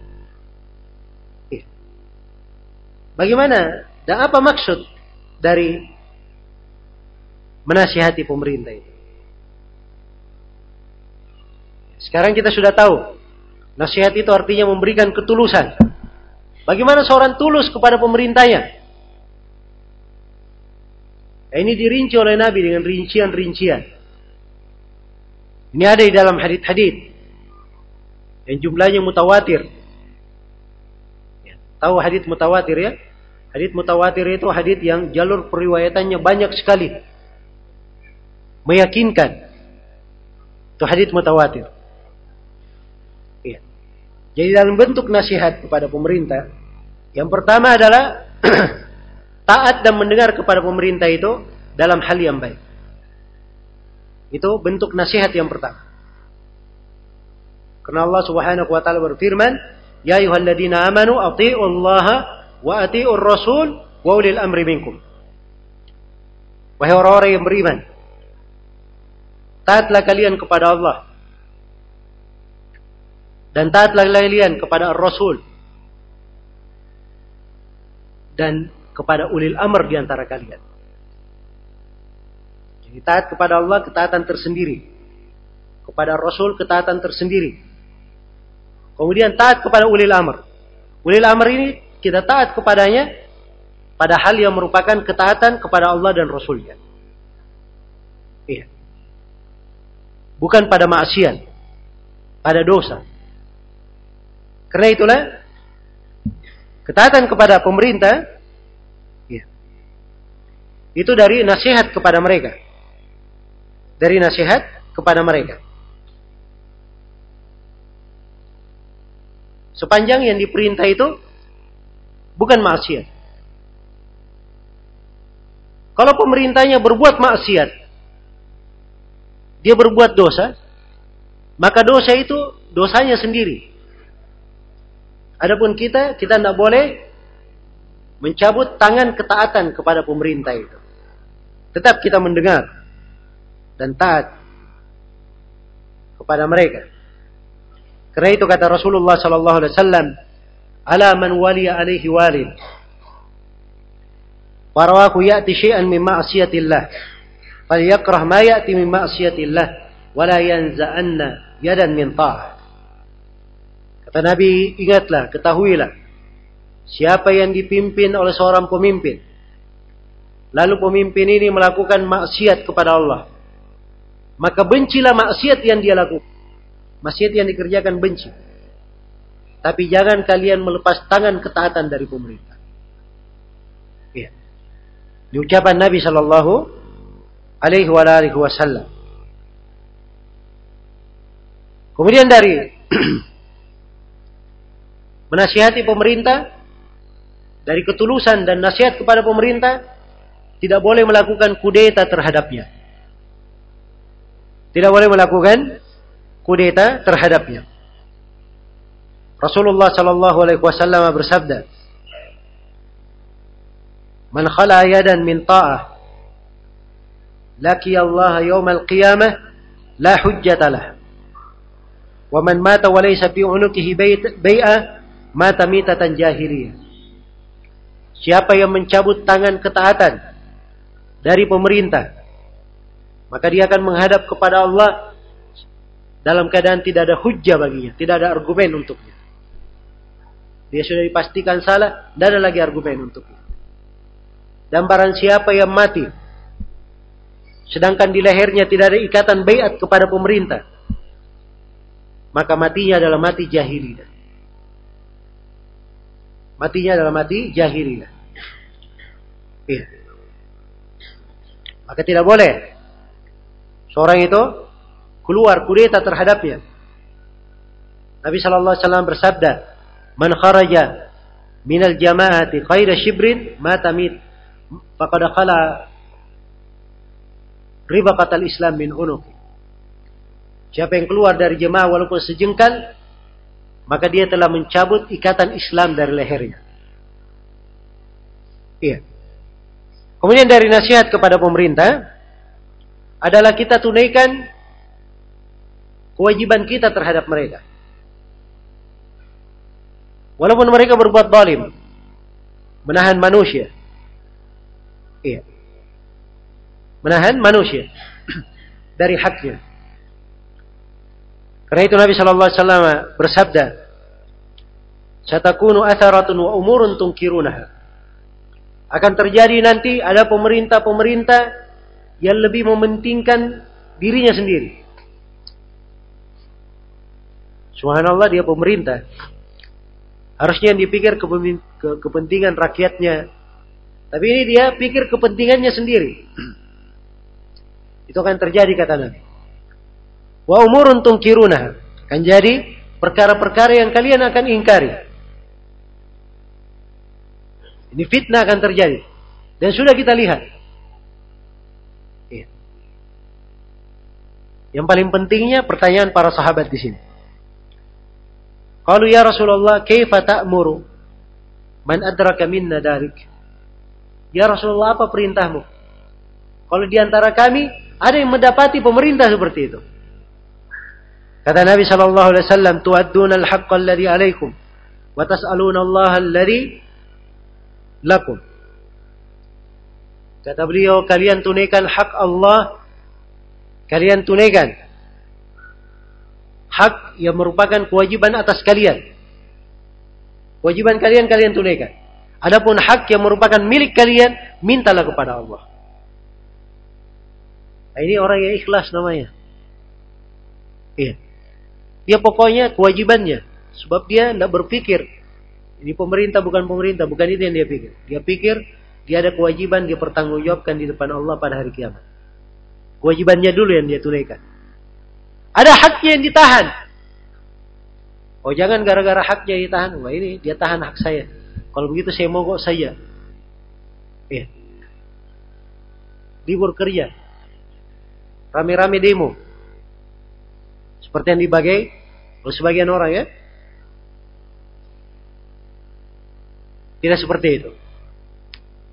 Kalau dia ikhlas, dia tunaikan kewajibannya. Kalau dia punya hak ditahan, tidak diberikan, Rasulullah berkata, hak kalian itu mintalah kepada Allah. Minta kepada Allah. Sebab Allah maha adil. Kalau haknya tidak diberi di dunia, dia akan dapatkan di mana? Kan dia dapatkan di akhirat. Tapi tidak ada di dalam konteks hadis Nabi ini. Ya. Kalau pemerintah seperti itu, kalau yang sikat saya, demo, tidak ada.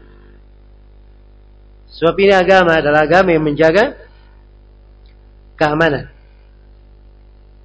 Agama yang dipelihara di dalamnya sebab-sebab yang membuat manusia itu menjadi aman. Dari nasihat kepada pemerintah, ketulusan, tidak mencela mereka. Tidak boleh dicela dan dicaci maki. Iya. Apalagi itu kalau dilakukan di mimbar-mimbar. Rasulullah sallallahu alaihi wasallam bersabda. Ini syahya dari Anas bin Malik radhiyallahu anhu. Beliau berkata, "Nahana kubara'ana, nahana kubara'una min ashabi Muhammadin sallallahu alaihi wasallam." Qalu. Kata Anas bin Malik, orang-orang besar di tengah para sahabat Rasulullah sallallahu alaihi wasallam telah melarang kami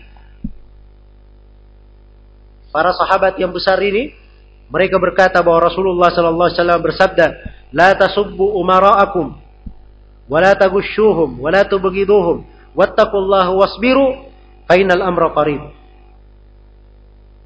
Kata para sahabat, Rasulullah sallallahu alaihi wasallam bersabda, "Jangan kalian mencela pemimpin-pemimpin kalian dan jangan kalian mengkhianati, menipu pemimpin-pemimpin kalian." serta jangan kalian membenci pemimpin-pemimpin kalian. Bertakwalah kepada Allah dan bersabarlah. Sungguhnya perkara itu dekat. Ini luar biasa hadis ini ya. Ini hadis kalau dibacakan kepada orang-orang yang biasa demo-demo, misalnya saya bacakan, pasti dia akan bilang, wah ini ustadz bawa hadis palsu. Hah?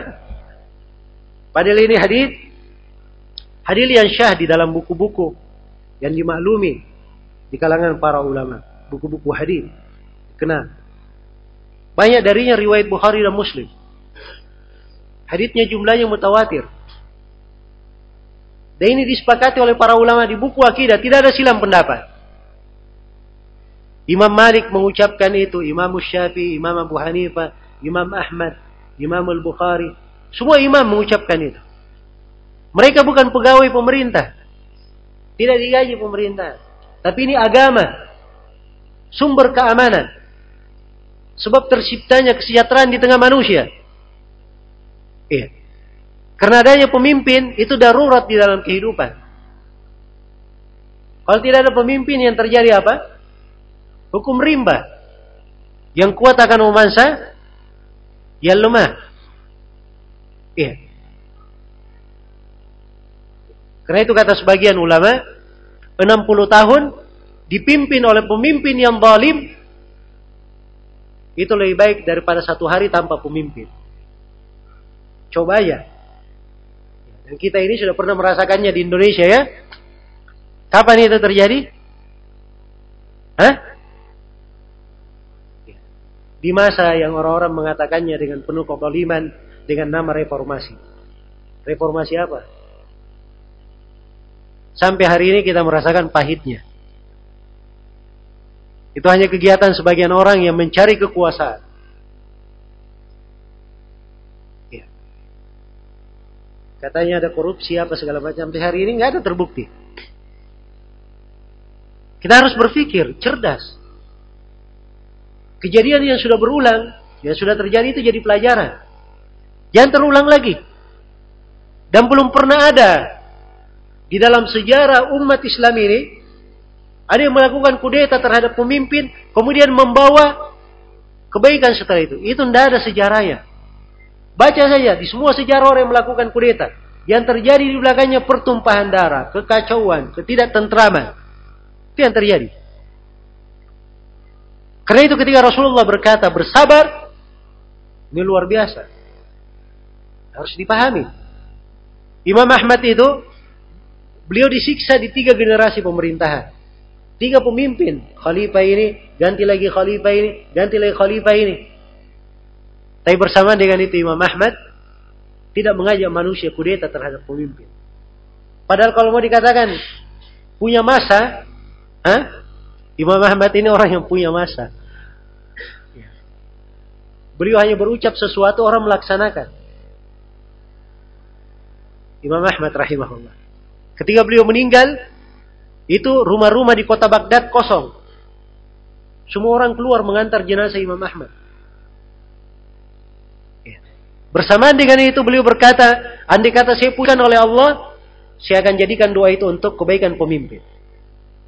Nah, ini baru orang yang ikhlas namanya. Orang yang tulus. Ya. Tidak ada dia cari dari dunia.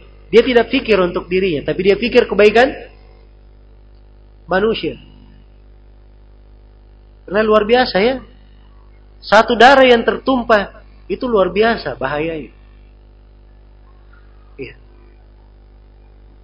Karena itu dalam Al-Quran dikatakan, Min ajli dhalika katabna ala bani Israel, annahu man qatala nafsan bighairi nafsin aw fasadin fil ard, faka'annama qatala an-nasa jami'a. Karena itulah kami tetapkan terhadap Bani Israel. Bahwa siapa yang membunuh jiwa. Bukan karena dia membunuh, bukan pula karena berbuat kerusakan. Dibunuh tanpa dosa. Siapa yang membunuh jiwa tanpa dosa, seakan-akan dia membunuh seluruh manusia.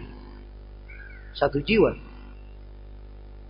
Tapi kalau dia menjadi sebab manusia hidup, di dalam ayat dikatakan waman ahyaha fakanna ahyan nasa jami'a. Barang siapa yang menghidupkan satu jiwa, maka seakan-akan dia menghidupkan seluruh manusia. Nah, kita harusnya menjadi orang-orang yang menjadi sebab kehidupan orang lain. Kita menjadi sebab orang itu selamat. Terhindar dari musibah, petaka supaya dia hidup. Ya. Maka dengan itulah seorang akan memperoleh kehidupan yang paling baik. Ya, saya lanjutkan hadit ini. Ini hadit yang agung ya. Jangan kalian celah penguasa-penguasa kalian. Dan jangan kalian menipu mereka, berkhianat kepada mereka. Hati-hati. Iya. Kemudian kata beliau, wala tubghiduhum dan jangan kalian membenci mereka. Penguasa itu tidak dibenci. Dia berbuat dosa dan maksiat, dibenci dosa dan maksiatnya. Tapi penguasanya sendiri kita doakan diharapkan kebaikan untuknya. Sebab kalau dia benci kepada penguasanya, ini yang paling repot. Iya. Karena itu Nabi Shallallahu Alaihi Wasallam mengingatkan di riwayat Muslim bahwa orang yang terbaik di antara kalian, penguasa yang terbaik di tengah kalian adalah penguasa yang kalian mencintainya, kalian mendoakannya, dia juga mencintai kalian dan mendoakan kalian. Tapi yang paling jelek di tengah kalian adalah penguasa yang kalian membencinya, kalian melaknatnya, mereka juga membenci kalian dan melaknat kalian. Nah, ini yang paling jeleknya. Jangan sampai kita masuk di dalam golongan orang yang paling jelek. Nasallallahu alaihi Kemudian kata Nabi, wasbiru, bersabarlah. Wattakullah wasbiru. Bertakwalah kepada Allah dan bersabar. Itu solusinya. Jadi kalau ada kebaliman di tengah penguasa, caranya mudah. Sabar saja. Sabar saja. Ini sebagian orang kalau dibilang bersabar, iya Ustaz, saya sabar ini. Tapi sabar itu kan ada batasnya. Ya. Kalau ada batasnya itu bukan sabar namanya. Makanya dikatakan sabar karena dia menahan jiwa selalu dia tahan. Itulah sabar. Kalau sudah nggak ada sudah ada batasnya berarti dia tidak sabar lagi. Iya. Disuruh bersabar. Kesabaran ini solusi. Jangan berkata sampai kapan kita sabar. Iya. Ini selalu dibisikkan oleh syaitan. Sampai kapan kita sabar? Ini kalau pemerintah kita colek sedikit berubah nanti insya Allah akan terjadi perbaikan. Itu syaitan selalu membisikkan seperti itu. Tapi kalau perintah agama, sabar. Iya. Mungkin sebejat-bejat penguasa di hari ini, dari penguasa kaum muslimin, tidak ada yang seperti Fir'aun. Dari kebijakan, kebaliman, dan apa? Kesewenang-wenangannya. Tapi bersamaan dengan itu, Bani Israel Diperintah bersabar. Tidak ada solusi yang lain. Pernahkah di kisah Bani Israel di Al-Quran? Bani Israel disuruh oleh Nabi Musa, kalian demo Fir'aun.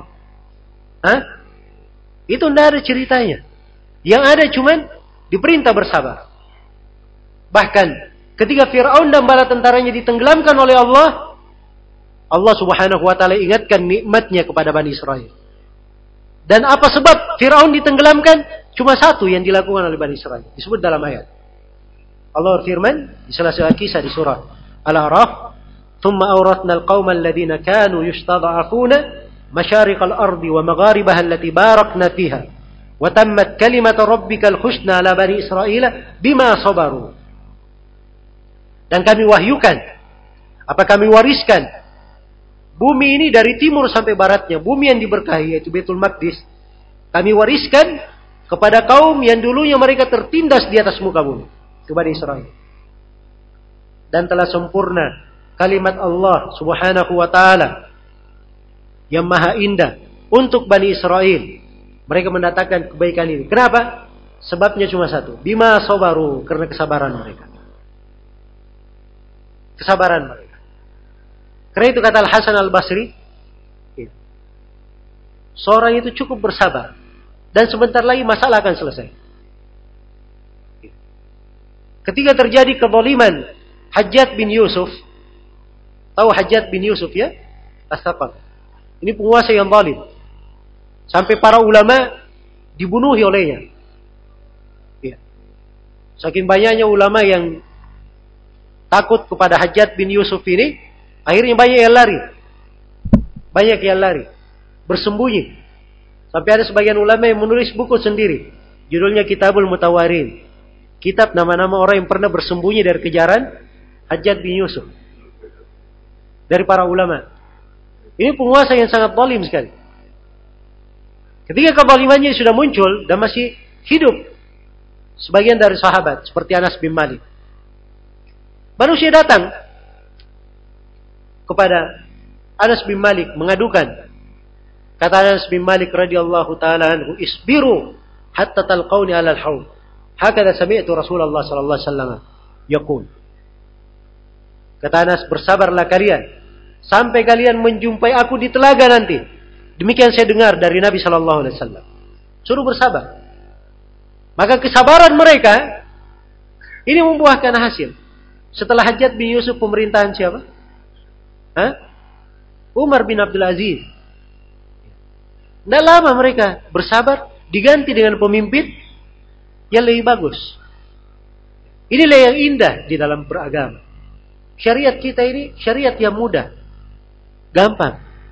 Seorang bersabar. Sabar itu cukup dia tahan jiwanya. Iya. Tidak banyak modal yang dia perlukan. Kalau demo-demo banyak modalnya.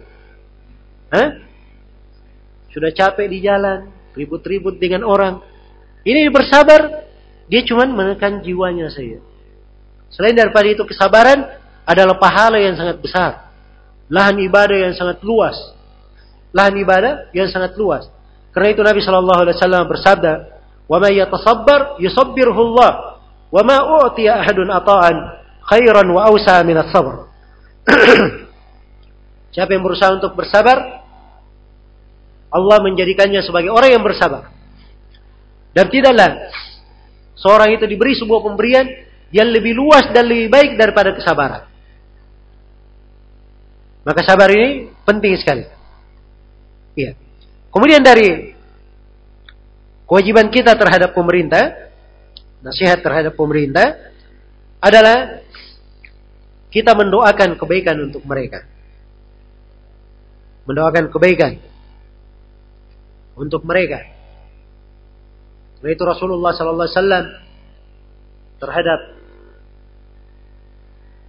para pemimpin beliau mendoakannya Beliau pernah berkata, Allahumma hdi Duaisan wa'ti bihim. Ya Allah, berilah hidayah kepada kabilah Daus. Kabilah Daus. Dan datangkanlah mereka dalam keadaan berislam. Didoakan kebaikan. Didoakan kebaikan. Karena itu ciri orang yang mengenal ilmu agama. Ciri dia seorang ahli sunnah. Itu adalah dia mendoakan pemerintahnya. Itu cirinya bahwa dia ini mengenal sunnah. Karena itu kata Al-Fudail bin Iyad rahimahullahu taala, "Lau kana li da'watun mustajaba, ma ja'altuha illa lis-sultan." Kata beliau andai kata saya memiliki doa dikabulkan, doa mustajabah. Andai kata seorang misalnya dikatakan kepadanya, "Fulan, ini kamu ada satu doa, mintalah kamu kepada Allah, Allah berfirman, mintalah engkau kepadaku, pasti aku akan kabulkan." Itu doa mustajab. Kata Al-Fudail bin Iyad, kalau saya punya doa mustajabah seperti itu, saya pasti peruntukkan untuk pemerintah. Iya. Sebab kalau pemerintah baik, yang berdoa juga akan baik, rakyat semuanya akan baik. Maka kita doakan dari pemerintah kita. Didoakan kebaikan. Iya. Nah, itulah solusinya. Itu solusi. Jadi banyak sekali solusi dalam syariat kita. Mengarahkan kepada ketentraman, kepada keamanan. Dan yang dijaga oleh Rasulullah sallallahu alaihi wasallam. Kemudian kelanjutan hadis waluzumu jama'atihim. Yang ketiga di dalam hadis ya, urutan ketiga kalau di hadisnya. Kalau di urutan pembahasan kita di ceramah ini sudah yang keberapa? Hah? Yang keberapa? Yang, kelima. Karena tadi kita bacakan ayat ya, ayat ada dua. Dan ini hadith ada tiga. Tiga asas. Ini asas yang kelima. Luzum jama'atihim. Komitmen bersama jemaah kaum muslimin. Iya. Apa itu mana jamaah? Ini dulu harus saya dudukkan mana jamaah. Sebab ini penggunaan kata jamaah, penggunaan yang banyak digunakan dan banyak yang salah di dalam memahami. Jamaah itu dalam pengertian syariat itu hanya punya dua makna yang benar. itu jamaah. Jamaah yang pertama bermakna jamaah kebenaran. Berpegang dengan Al-Quran dan Sunnah Rasulullah Sallallahu Alaihi Wasallam. Mengikuti jejak Nabi dan para sahabatnya. Itu jamaah. Jadi siapa yang berada di atas tuntunan Al-Quran dan Sunnah, sesuai dengan jalan para sahabat, jalan yang ditempuh oleh para imam dalam agama, maka itu artinya dia di atas jamaah. Karena itu kata Ibnu Mas'ud radhiyallahu taala anhu, al jamaatu ma wafaqal haqqa wa in kunta. Jamaah itu adalah apa yang mencocoki kebenaran walaupun kamu sendiri. Jadi jamaah adalah apa yang mencocoki kebenaran walaupun kamu sendiri. Iya. Karena itu santai seorang dalam hidup ini. Dia sepanjang berpegang dengan Al-Quran dan Sunnah. Banyak manusia yang menyelisihi. Dia dianggap asing di tengah manusia. Dia santai saja. Sebab dia di atas tuntunan Al-Quran dan Sunnah. Dia itu adalah jamaah, kebersamaan. Orang yang banyak itu, itulah yang keluar dari jamaah namanya. Sebab dia keluar dari tuntunan Al-Quran dan Sunnah Rasulullah SAW. Ini jamaah yang pertama. Mana jemaah yang pertama? Dibangun di atas mana yang pertama ini? Pemimpinnya itu cuma satu, cuma Rasulullah Sallallahu Alaihi Wasallam. Jemaah yang seperti ini, dia bukan kelompok-kelompok. Dia adalah sifat. Iya. Siapa pun dia, apa pun warga negaranya, apa pun warna kulitnya, sepanjang dia berpegang dengan Al-Quran dan Sunnah, sesuai dengan jalannya para sahabat, dia di atas jamaah. Jelas ya? Ini mana yang pertama dari jamaah. Mana yang kedua dari jamaah adalah kaum muslimin dipimpin oleh pimpinan negara. Ini mana yang kedua? Dari mana jamaah? Kaum muslimin dipimpin oleh pimpinan negara. Kita di Indonesia ini dipimpin oleh presiden kita. Iya. Maka umat Islam ini dalam satu jamaah dalam satu jamaah. Siapa yang keluar darinya, memberontak dari jamaah, ya, tidak menganggap presidennya ada, maka namanya keluar dari jamaah. Keluar dari jamaah. Itulah yang diancam oleh Nabi. Wa man faraqal jama'ata khaira shibrin mata mitatan jahili. Siapa yang keluar dari jamaah walaupun sejengkal lalu dia mati, maka matinya adalah mati apa? Mati jahiliyah. Ini mana jamaah yang benar? Nah, di sini tampak kekeliruan banyak orang menggunakan jamaah. Ada jamaah ini, jamaah itu, setiap jamaah ada pemimpinnya. Ya. Dan setiap pemimpin dibeat lagi. Sumpah setia. Dan yang paling repotnya lagi kalau jamaahnya dia mengklaim dirinya yang paling benar. Saya adalah jemaah yang benar. Yang masuk di jemaah kami masuk surga. Yang keluar dari jemaah kami itu adalah penduduk neraka. Orang-orang yang kafir. Ya karena dia kafir, dia najis.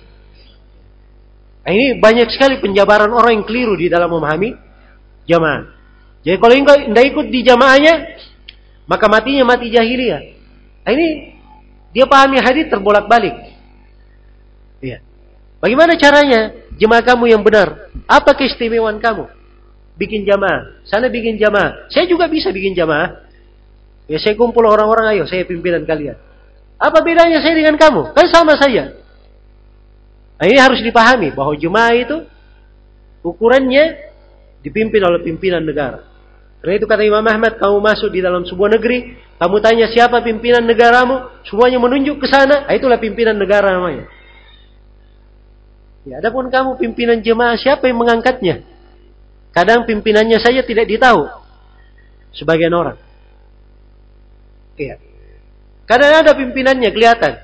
Tapi dia di bayat dan disumpah setia, itu disembunyikan di kalangan anggotanya yang setia saja. Nah, ini hal yang keliru ya. Dan ini hakikatnya jemaah-jemaah yang seperti ini, itulah sebenarnya perpecahan-perpecahan. Di kelompok-kelompok yang menyimpan. Dan mereka kalau di atas jemaah yang seperti itu, dengan bayat, sumpah setia kepada pemimpinnya, dia lepas kepada pemimpin yang syah, inilah orang-orang yang sebenarnya kalau mereka mati, matinya mati jahiliyah. Sebab dia keluar dari apa? Dari jemaah kaum muslimin. Maka komitmen terhadap jamaah selalu bersama jamaah ini hal yang dijaga di dalam syariat kita.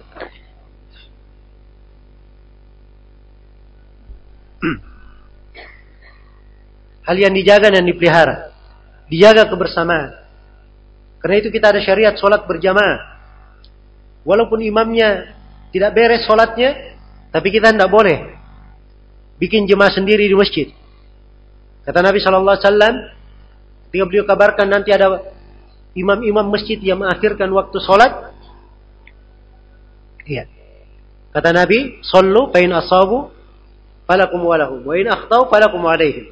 Sholatlah kalian bersama imam-imam itu. Walaupun keliru sholatnya. Kalau mereka benar sholatnya, pahalanya untuk kalian dan untuk mereka. Kalau mereka keliru sholatnya, pahalanya untuk kalian, dosanya ditanggung mereka. Ini untuk menjaga apa? Kebersamaan.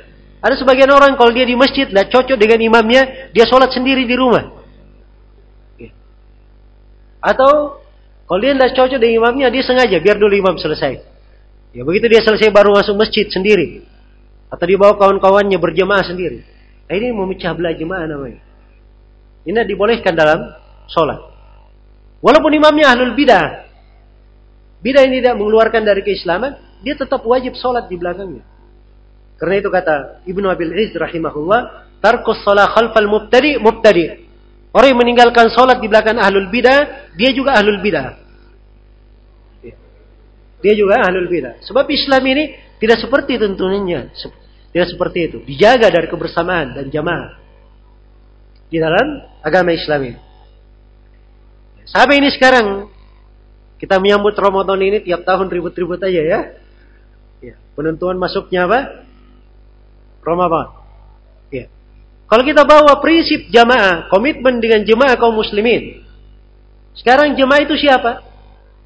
Umat Islam dipimpin oleh pimpinan negara. Itu jamaah namanya. Apalagi penentuan masuk dan keluarnya Ramadan itu bukan wewenang orang per orang lembaga tertentu. Tapi itu adalah wewenang pemerintah. Wewenang pemerintah. Itu ada di buku-buku fikih. Ya, tidak benar ya kalau ada yang mengatakan ini bukan urusan pemerintah. Itu keliru besar. Tidak paham dari fikih agama. Bahkan itu adalah wewenang pemerintah. Iya. Banyak di buku-buku fikih. Saya kasih satu rujukan. Ini kita di Indonesia madhab syafi'iyah. Silakan baca buku Imam Ibnu Jamaah. Tentang ahkam sultaniyah. Tentang masalah hukum-hukum kepemerintahan. Dia sebutkan di situ beberapa hak pemerintah dan kewajibannya. Di antaranya, pemerintah itu yang menentukan masuk dan keluarnya bulan Ramadan. Dan kata Al-Hasan Al-Basri, bahwa pemerintah itu dia yang menangani lima hal. Salah satunya dia menentukan hari Id. Dia menentukan hari Id. Kok bisa ada orang yang Ramadan ya, belum lagi hilal terlihat, dia sudah umumkan dahulu. Nanti kita puasanya tanggal sekian, lebarannya tanggal sekian. Pemerintah sendiri belum mengumumkan. Ini keluar dari tuntunan ya. Rasulullah Sallallahu Alaihi Wasallam, saya membaca hadis ini. Dan saya di sini sebagai seorang yang menasihati. Cinta kebaikan untuk semuanya. Dan kita cinta semuanya itu bersama. Tidak ada perselisihan. Iya. Rasulullah SAW bersabda, As-sawmu yawma tasumun, wal fitru yawma tuftirun, wal abha yawma tadahun. Ini hadis ada di Sunan At-Tirmidzi dari hadis Abu Hurairah. Sanatnya sahih. Rasulullah bersabda puasa itu adalah hari kalian semua berpuasa. Dan berbuka Idul Fitri adalah hari kalian semua berbuka beridul fitri. Dan hari kurban hari kalian semua berkurban. Disandarkan kepada kebersamaan. Bukan kepada orang per orang. Iya. Karena itulah penentuan masuk dan keluarnya Ramadan itu ditunggu apa yang diputuskan oleh pemerintah. Dan ini memang kejadian baru terjadi belakangan aja ya. ya setelah masa reformasi yang disebut itu. Coba di sebelumnya, pernahkah ada umat Islam berbeda dalam id apa segala macam? Nggak ada yang berani. Memang kalau pemerintah punya power dan menggunakan powernya, nah itu baru cocok. Ya. Harusnya disegani. Dan dia memutuskan. Sebab silam pendapat itu, itu hanya putus dengan ketentuan dan tangan pemerintah, tangan hakim. Karena itu di kaidah fikih disepakati. Hukmul qadhi yarfa'ul khilaf. Hukumnya qadhi mengangkat silam pendapat. Anggaplah kita di pengadilan ini punya pendapat A, punya pendapat B, pendapat C. Tapi begitu pengadilan menjatuhkan mengetuk palu yang benarnya adalah ini, sudah hukum hakim yang dilaksanakan. Hukum hakim yang dilaksanakan. Pendapat saya, saya simpan. Tidak boleh saya tampakkan. Saya ikuti pendapat hakim. Iya. Jelas ya? Sekarang ada orang yang datang ke ke pengadilan. Dia berkata, Pak Hakim, saya mengatakan kepada istriku, kamu saya talak tiga. Ini kan ada dua pendapat dalam fikih. Ada yang mengatakan, orang yang berucap kepada istrinya, kamu talak tiga, itu terhitung satu saya. Ada yang mengatakan, enggak, itu terhitung tiga. Kan begitu? Ini datang ke hakim dua orang. Ini pendapat A, pendapat B. Kata Al-Qadhi, kamu dengan ucapan kamu itu terhitung talak tiga. Sudah, itu yang dia jalani, talak tiga. Tidak boleh lagi ketemu dengan istrinya. Itu hukum qadhi harus dia ini. Tidak boleh dia katakan, oh ini Pak Hakim salah. Ya. Menyelisih dalil. Tidak ada. Ini hukum qadhi sudah jatuhkan dalam hal tersebut. Ya sama di dalam penentuan. Masuknya hilal dan seterusnya. Pemerintah begitu sudah menetapkan, itu hukumnya yang diterima. Tidak boleh ada yang beramal dengan selainnya. Ya. Walaupun dia merasa pendapatnya benar, kalau itu kebenaran simpan saja untuk dirimu. Jangan dia terangkan dia tampak tampak akan menyelisihi kaum muslimin. Sebab tidak boleh menyelisihi orang banyak. Dan ini yang menjadi masalah karena dibuat peluang menyelisihi akhirnya ya kemarin malam kayaknya ada jemaah anak Syabandia katanya dia sudah sholat tarawih. Ya belum lagi di Makassar sana ada yang jemaah pirang-pirang itu itu selalu mengukur masuk keluarnya Ramadan dengan pasang surut air laut. Ya. Belum lagi di Sumatera. Ini tiap tahun diberitakan. Sebab orang-orang media itu memang cari berita yang aneh-aneh supaya terkenal. Ini juga dari dosanya orang-orang di media. Selalu menyebarkan berita-berita yang membuat resah manusia. Membuat resah. Dan itu dosa mereka tanggung hingga hari kiamat. Sepanjang mereka masih menyebarkan hal-hal yang seperti itu. Ini harus dipahami ya, ini fikih semuanya. Dalam menjaga keamanan dan ketentraman. Diatur di dalam agama kita. Iya. Jadi jangan dikira bahwa agama Islam ini tidak ada aturan-aturan. Semuanya jelas. Tadi saya katakan bahwa sebagian manusia, banyak dari pemerintahan sekarang ini, itu hanya memikirkan keamanan dari sisi fisik saya. Dari sisi lahir saya. Kalau dalam Islam, keamanan dari segala aspek itu dibangun, dijaga. Bahkan yang paling pokoknya keamanan dari sisi pemikiran. Itu dijaga sekali dalam agama kita. Iya. Maka ini dari mana-mana yang ingin saya ingatkan. Terkait dengan tiga hadis. Sudah lewat tujuh menit ya. Dari waktu. Ya, sebelum kita pindah ke sesi tanya jawab. Terakhir di sini ingin saya ingatkan. Dan ini yang keenam. Dari asas dan tegaknya keamanan dan ketentraman di dalam sebuah negeri. Yaitu dengan mempelajari ilmu agama. Ya. mendalami dari ilmu syariat. Ini asas dan dasar tegaknya sebuah negeri. Sebab apa saja itu kita perlu ilmu. Kita perlu tuntunan. Sedangkan dalil dari Al-Quran dan As-Sunnah sudah menjelaskan segala sesuatu. Ya. Allah subhanahu wa ta'ala berfirman, Ma farratana fil kitabi min syait. Kami tidak pernah melantarkan dalam Al-Quran sesuatu apa pun. Semuanya ada hukumnya di dalam Al-Quran.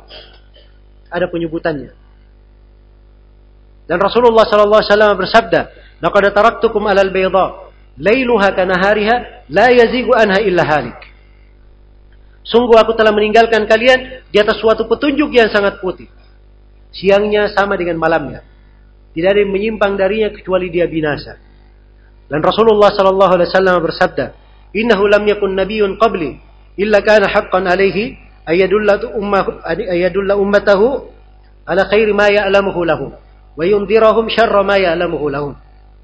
Tidak ada seorang nabi pun sebelumku kecuali wajib atas nabi ini menjelaskan segala kebaikan yang dia ketahui untuk umatnya. Dan wajib atas nabi itu menjelaskan segala kejelekan yang bisa membahayakan umatnya. Jadi agama ini sudah lengkap tuntunannya. Iya. Sisa kita mempelajari ilmunya. Mempelajari ilmunya. Nah, di sinilah yang menjadi repot sekarang. Sebab orang kesadarannya untuk belajar ilmu agama kurang. Banyak dari orang tua, kalau dikatakan anaknya masuk pondok pesantren, wah itu seakan-akan masa depan anaknya tidak cerah. Masa depan yang suram. Iya. Dari pemahaman yang keliru. Ilmu agama itu tidak pernah bertentangan dengan ilmu dunia. Hal yang bermanfaat untuk manusia. Justru kalau dia belajar ilmu agama akan baik dunianya. Tapi kalau dia belajar ilmu dunia belum tentu baik agamanya. Belum tentu baik agamanya. Ya. Tidak ada yang lebih mulia dari tugas para nabi dan para rasul. Dan mereka ini adalah dengan ilmu. Nah, dan Allah Subhanahu wa taala ketika mengingatkan nikmatnya kepada Bani Israel. Kuru nikmat Allah alaikum. Ingatlah nikmat Allah kepada kalian wahai Bani Israel. Fikum anbiya wa ja'alakum mulukan wa atakum ma lam yu'ti ahadan minal alamin. Ketika Allah menjadikan di tengah kalian ada para nabi, dan Allah jadikan di tengah kalian ada raja-raja. Dan Allah beri kepada kalian hal yang tidak diberi kepada siapa pun dari manusia. Apa nikmat yang paling pertama disebut? Dijadikan di tengah kalian para nabi. Sebelum adanya raja-raja. Sebab kenabian itu derajat lebih tinggi. Ilmu itu derajatnya lebih tinggi daripada kerajaan. Keduniaan. Ini harus dipahami. Iya. Karena itu Siapa yang ingin berbicara tentang keamanan, ketentraman, dan dia tidak ikut dengan ilmu agama, itu namanya berangan-angan. Sedang bermimpi. Harus diikat dengan ilmu agama. Apa saja dari pembahasan yang diperlukan, ada ilmunya dalam ilmu agama. Ya. Dikiranya dalam agama kita tidak ada hukum-hukum perekonomian. Ini baru sadar ketika terjadi berbagai krisis ekonomi di Eropa sana, menghantam berbagai perekonomian, baru mereka lihat bahwa perekonomian Islam yang kuat. Yang tidak bergoyah. Baru mereka kenal. Baru mereka baru belajar perekonomian Islam. Itu pun sekarang banyak yang belajar perekonomian Islam. Ya, bikin bambang. Ya. Tapi Masya Allah ya. Banyak juga cari tikungan-tikungan. Ya. Mereka kira di dalam agama ini tidak ada fikih tentang tata negara. Itu ada buku-buku satu satu perpustakaan besar tentang fikih tata negara. Ya. Antara utusan saya, utusan ke negeri, duta-duta besar, itu kadang ditulis berjilid-jilid. Fikih dalam hal tersebut. Makanya harus dipahami bahwa agama kita ini lengkap tuntunannya. Dasarnya lengkap.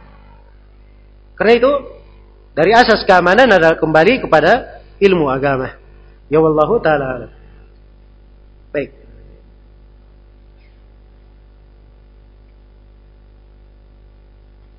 Baik, saya akan uh, menjawab beberapa pertanyaan. Tadi panitia meminta agar pertanyaannya dijawab dalam bentuk tertulis. Atau pertanyaan yang dijawab dalam bentuk tertulis saya. Di sini ada yang bertanya, apakah ikrar ketaatan kepada pemimpin organisasi untuk istiqomah di atas Al-Quran dan Sunnah termasuk beat yang dilarang? Ya jelas ini ya. Ini beat yang dilarang dan berlebihan sekali. Ya, Masya Allah ya. Yang pertama dia ikrar taat kepada pimpinan organisasinya. Ini sudah keliru. Bayat itu hanya disyariatkan bayat kepada pimpinan negara saya. Jadi dia sudah keliru, satu kekeliruan. Kekeliruan yang kedua, apa isi bayatnya? Untuk istiqomah di atas Al-Quran dan Sunnah. Masya Allah, siapa yang bisa istiqomah di atas Al-Quran dan Sunnah? Al-Quran dan Sunnah semuanya. Dia bisa istiqomah. Hah? Ini saja Nabi tidak pernah bikin bayat seperti ini kepada para sahabatnya. Nabi itu. Sebagian sahabat membayat Nabi untuk dengar dan taat kepada pemerintah. Sebagian sahabat membayat kepada Nabi dengar dan taat kepada pemerintah dan menasihati seorang muslim. Sebagian sahabat bayat kepada Nabi untuk menegakkan sholat. Amar ma'ruf nahi mungkar. Diambil beberapa hal. Ini semuanya di atas Al-Quran dan Sunnah. Masya Allah. Hah? Tidak mampu dia melaksanakannya. Ini berlebihan ya.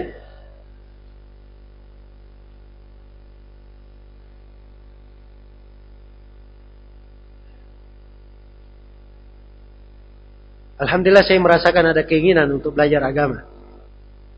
Tapi kekhawatiran salah. Tapi khawatir salah melangkah. Karena banyak jemaah-jemaah yang ada. Ya ini Pertama kadang seorang diberi taufik oleh Allah Subhanahu wa taala dari semangat. Dia punya semangat, dia belajar.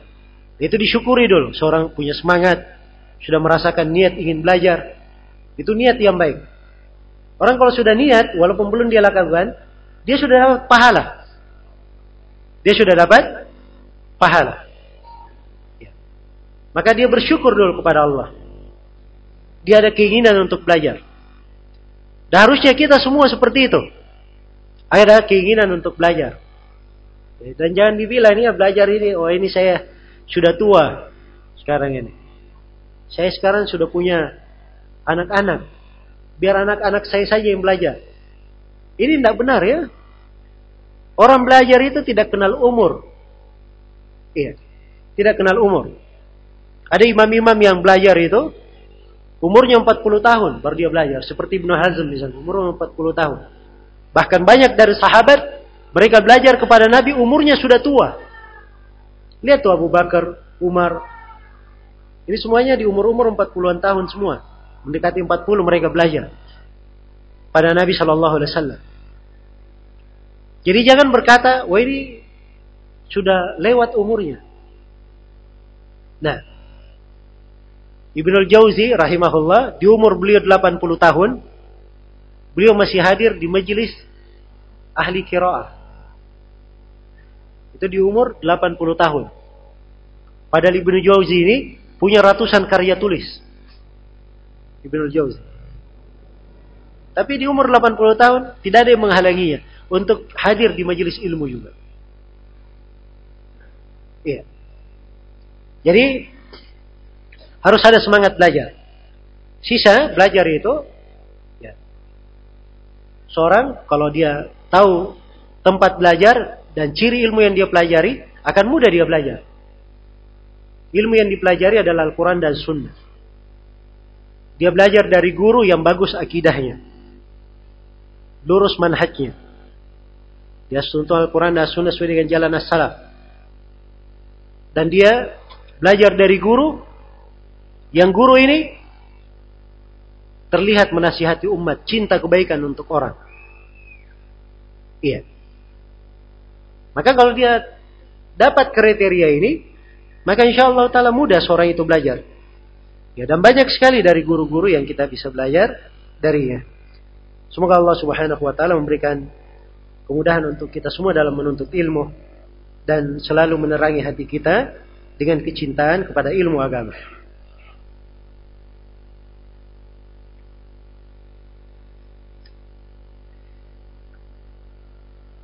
Ini ada yang bertanya tentang bagaimana tata cara ziarah kubur yang sesuai dengan sunnah supaya tidak menimbulkan kesyirikan. Yang pertama yang harus diketahui bahwa ziarah ke kuburan itu maksudnya diterangkan oleh Nabi Shallallahu Alaihi Wasallam. Dalam hadits Buraidah yang diriwayatkan oleh Imam Muslim, Rasulullah Shallallahu Alaihi Wasallam bersabda, "Kuntu nahaitukum an ziyaratil kubur, fazuruha bainaha tudzakirukum al-akhirah." Saya dulu pernah melarang kalian berziarah ke kuburan, maka sekarang kata Nabi, silahkan kalian berziarah ke kuburan. Karena ziarah ke kuburan mengingatkan kepada akhir. Ini ini pokok kalau orang ziarah ke kuburan mengingatkan apa? Kepada akhirat. Bukan orang ziarah ke kuburan untuk mendoakan orang yang dikubur. Nah, keliru kalau itu niatnya. Jadi orang ke kuburan untuk zia, untuk mengingat negeri akhirat. Begitu dia di kuburan, ada orang yang dia dia mau masuk kuburan, dia doakan orang yang dikubur. Ada kubur orang tuanya di situ, dia doakan orang tuanya. Itu mengikut kepada niat awalnya. Negeri akhirat. Sebab doa, dia bisa berdoa di rumahnya. Kadang lebih mustajabah doanya, dia sholat. Doa di dalam sholatnya. Dia doa di sepertiga malam terakhir, dia kamul lail. Itu lebih mustajabah daripada dia ke kuburan. Iya. Karena itu dari kekeliruan di tengah kaum muslimin, apalagi dekat-dekat Ramadan seperti ini, ramai di kuburan. Iya. Pertama Nabi dan para sahabat tidak pernah melakukan yang seperti itu. Tidak ada dalam sepotong riwayat pun mereka ada rame-rame ke kuburan sebelum apa? Sebelum masuk Ramadan. Itu tidak ada dalam sepotong riwayat pun tidak ada. Iya. Terus yang kedua, kalau seorang sudah berada di kuburan, dia masuk, dia doakan saudaranya. Assalamualaikum ya ahlad diyar minal mu'minina wal mu'minat. Wa nahnu insyaallah taala bikum wa inna insyaallah bikum lahikun. Nas'alullah lana wa lakumul afiyah. Ya, selamat. Semoga keselamatan selalu dilimpahkan kepada kalian wahai para penduduk negeri. Maksudnya negeri kubur ini dari kalangan laki-laki dan perempuan yang beriman dan kami insya Allah Ta'ala juga akan menyusul kalian. Ini kan mengingatkan kepada akhirat. Dan kami memohon untuk kami dan kalian supaya diberi afiat. Ini dari etika. Ketika masuk di kuburan, jangan dia memakai sendal. Iya, jangan dia memakai sendal. Baik. Tidak ada di dalam kubur itu seorang ketika berziarah ke kuburan dia siram kuburan itu dengan air atau disiram dengan bunga-bunga. Ini semuanya dari perkara bidah dalam agama. Iya. Sebab itu tidak dilakukan oleh Nabi dan para sahabatnya. Ada sebagian orang dia pakai dalil salah-salah ya. Katanya Nabi pernah melewati kuburan lalu beliau ambil kayu yang masih basah lalu beliau potong jadi dua. Kemudian beliau apa namanya tancapkan di atas setiap dari kuburan itu. Iya. Kemudian Nabi berkata, dua orang ini sedang disiksa. Akan diringankan siksaan untuk keduanya sepanjang tangkai kayu ini masih basah. Iya. Datang orang-orang belakangan, oh kalau begitu kita siram bunga saja. Iya. Sepanjang dia selalu disirami bunga, ada bunga segar, iya. maka akan diringankan siksaan untuk orang yang disiksa. Jadi seakan-akan orang yang dikubur ini sudah disiksa. Dia bisa jamin. Ini kan sudah menyangka tidak baik. Kalau Rasulullah beliau dapat wahyu. Diberitahu bahwa orang ini disiksa. Ya. Jadi ini seakan-akan dia juga dapat wahyu seperti itu. Dari mana dia bisa bikin tuntunan? Terus yang kedua ini perbuatan Nabi khusus. Sebab Nabi ketika menancapkan itu, itu doa Nabi syafaatnya kepada Allah diterima. Itu khusus untuk Nabi, tidak boleh untuk selainnya. Karena itu tidak ada dari sahabat pun yang dinukil melakukan seperti yang dilakukan oleh Nabi. Ini harus dipahami ya. Ya. Makanya belajar itu penting agar supaya seorang kenal ilmu. Tidak apa-apa kalau di kubur itu misalnya banyak semak-semak, dicabut semak-semaknya, itu nggak ada masalah. Agar supaya kuburan itu terlihat kuburan. Ya. Karena kalau dia tidak terlihat kuburan semak-semak, nanti diinjak orang, diduduki. Kan begitu. Jadi kalau dibersihkan untuk alasan itu nggak ada masalah. Supaya terlihat kuburan. Ya. Sebab kuburan itu tidak boleh diduduki, tidak boleh diinjak, tidak boleh dilakukan sholat di atasnya. Itu semuanya dari hal-hal yang dilarang. Baik.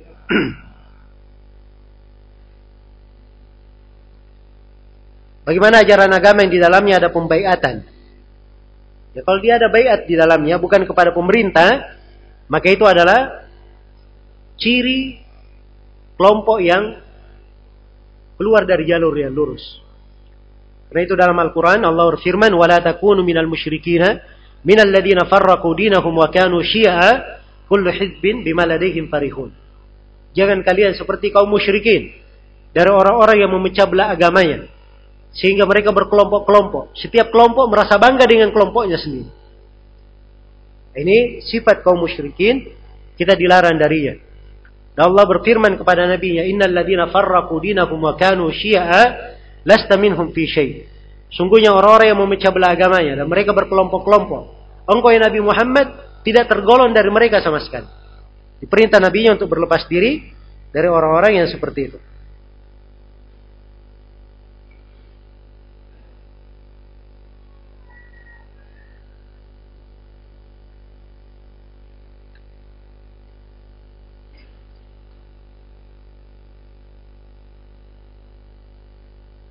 Baik, ini masih ada pertanyaan juga terkait dengan ziarah kubur. Saya sudah jawab ya tadi. Cuma di sini ada hal yang perlu diingatkan tentang bakar kemenyan. Itu juga tidak ada ya di dalam tidak ada di dalam syariat. Hal yang seperti itu.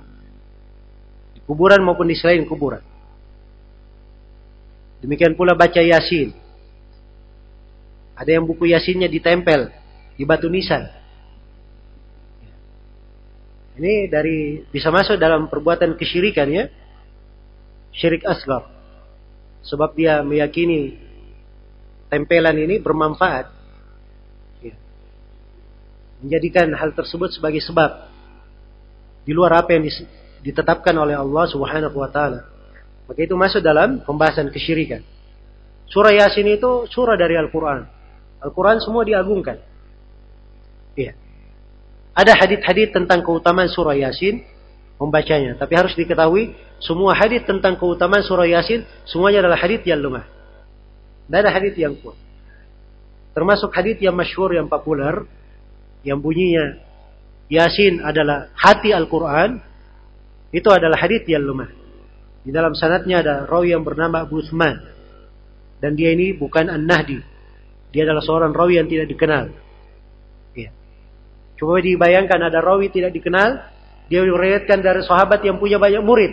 Semua muridnya tidak ada yang tahu hadis itu kecuali orang yang tidak dikenal ini. Dari mana dia dapat hadis yang seperti itu? Iya. Yang ini dari sisi periwayatan banyak hal ya yang kadang perlu diketahui. Kalau dia ingin baca surah Yasin, dia baca sama dengan umumnya surah Al-Quran, dan masalah. Tapi dia khususkan baca di kuburan, ini dari hal yang tidak ada dalilnya. Tidak ada dalilnya. Dan ingat, kita ini harus terikat dengan dalil. Demikian pula berzikir. Al-Quran di di kuburan itu bukan tempat berzikir, bukan tempat baca Al-Quran di situ. Bahkan dilarang seorang baca Al-Quran di kuburan. Karena itu Nabi Shallallahu Alaihi Wasallam berkata, Ikra'u fi buyutikum surat Al-Baqarah. Baca di rumah-rumah kalian surah Al-Baqarah. Karena rumah yang dibacakan padanya surah Al-Baqarah tidak didekati oleh syaitan. Dan bacalah Al-Quran di rumah kalian supaya rumah kalian tidak jadi kuburan. Jadi apa maksud ucapan Nabi ini bahwa supaya rumah kalian tidak jadi kuburan? Sebab di kuburan itu tidak dibacakan Al-Quran. Itu hukum kuburan. Jadi kalau rumahnya tidak pernah dibacakan Al-Quran, itu sama dengan apa? Kuburan. Makanya rajin baca Al-Quran di rumah supaya menjadi rumah yang benaran. Ya, tidak menjadi kuburan.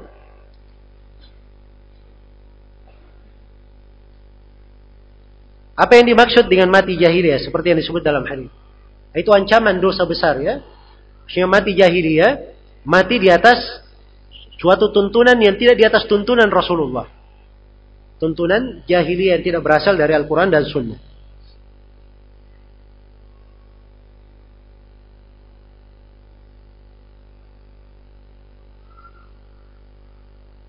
Bagaimana kiat-kiat kita untuk meluruskan kebiasaan syirik di dalam masyarakat yang terbiasa dengan acara-acara syukuran, baca-baca, yang sering dilakukan membaca salawat naharia agar tidak memecah belah umat.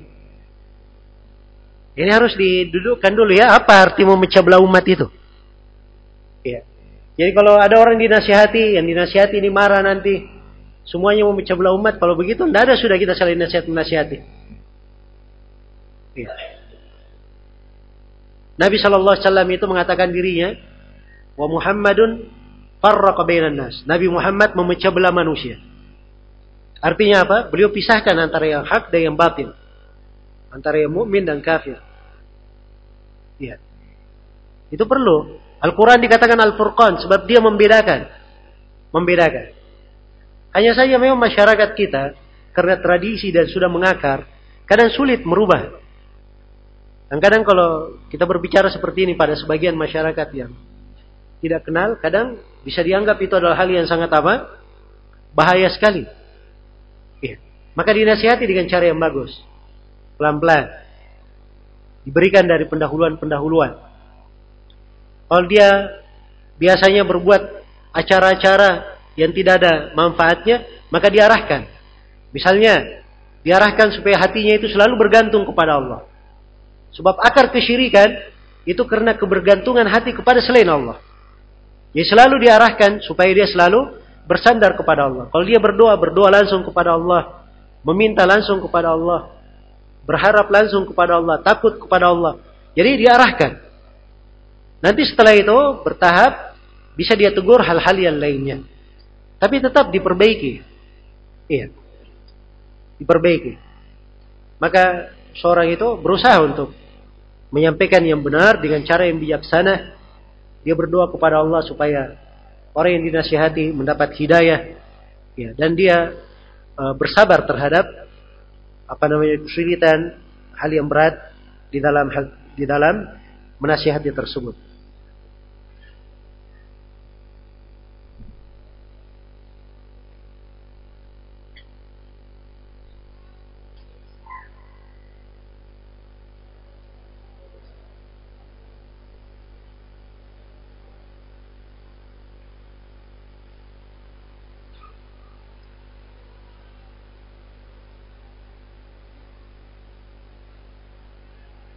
Baik. Ini kayaknya masih banyak pertanyaan ya. Dan sudah masuk waktu sholat duhur. Insya Allah ta'ala kita masih ada satu sesi lagi. Dengan tema yang lain. Insya Allah setelah uh, itu kita buka lagi tanya jawab insya Allah untuk pertanyaan yang masih tersisa. Baik, untuk sementara saya cukupkan dulu sampai sini. Mudah-mudahan apa yang kita kaji di sesi yang pertama ini ada manfaatnya untuk seluruh hadirin dan saya mohon maaf atas segala macam kekurangan. Subhanakallahumma bihamdik. Asyhadu an la ilaha illa anta astaghfiruka wa atubu ilaik. Walhamdulillahi rabbil alamin. Wassalamualaikum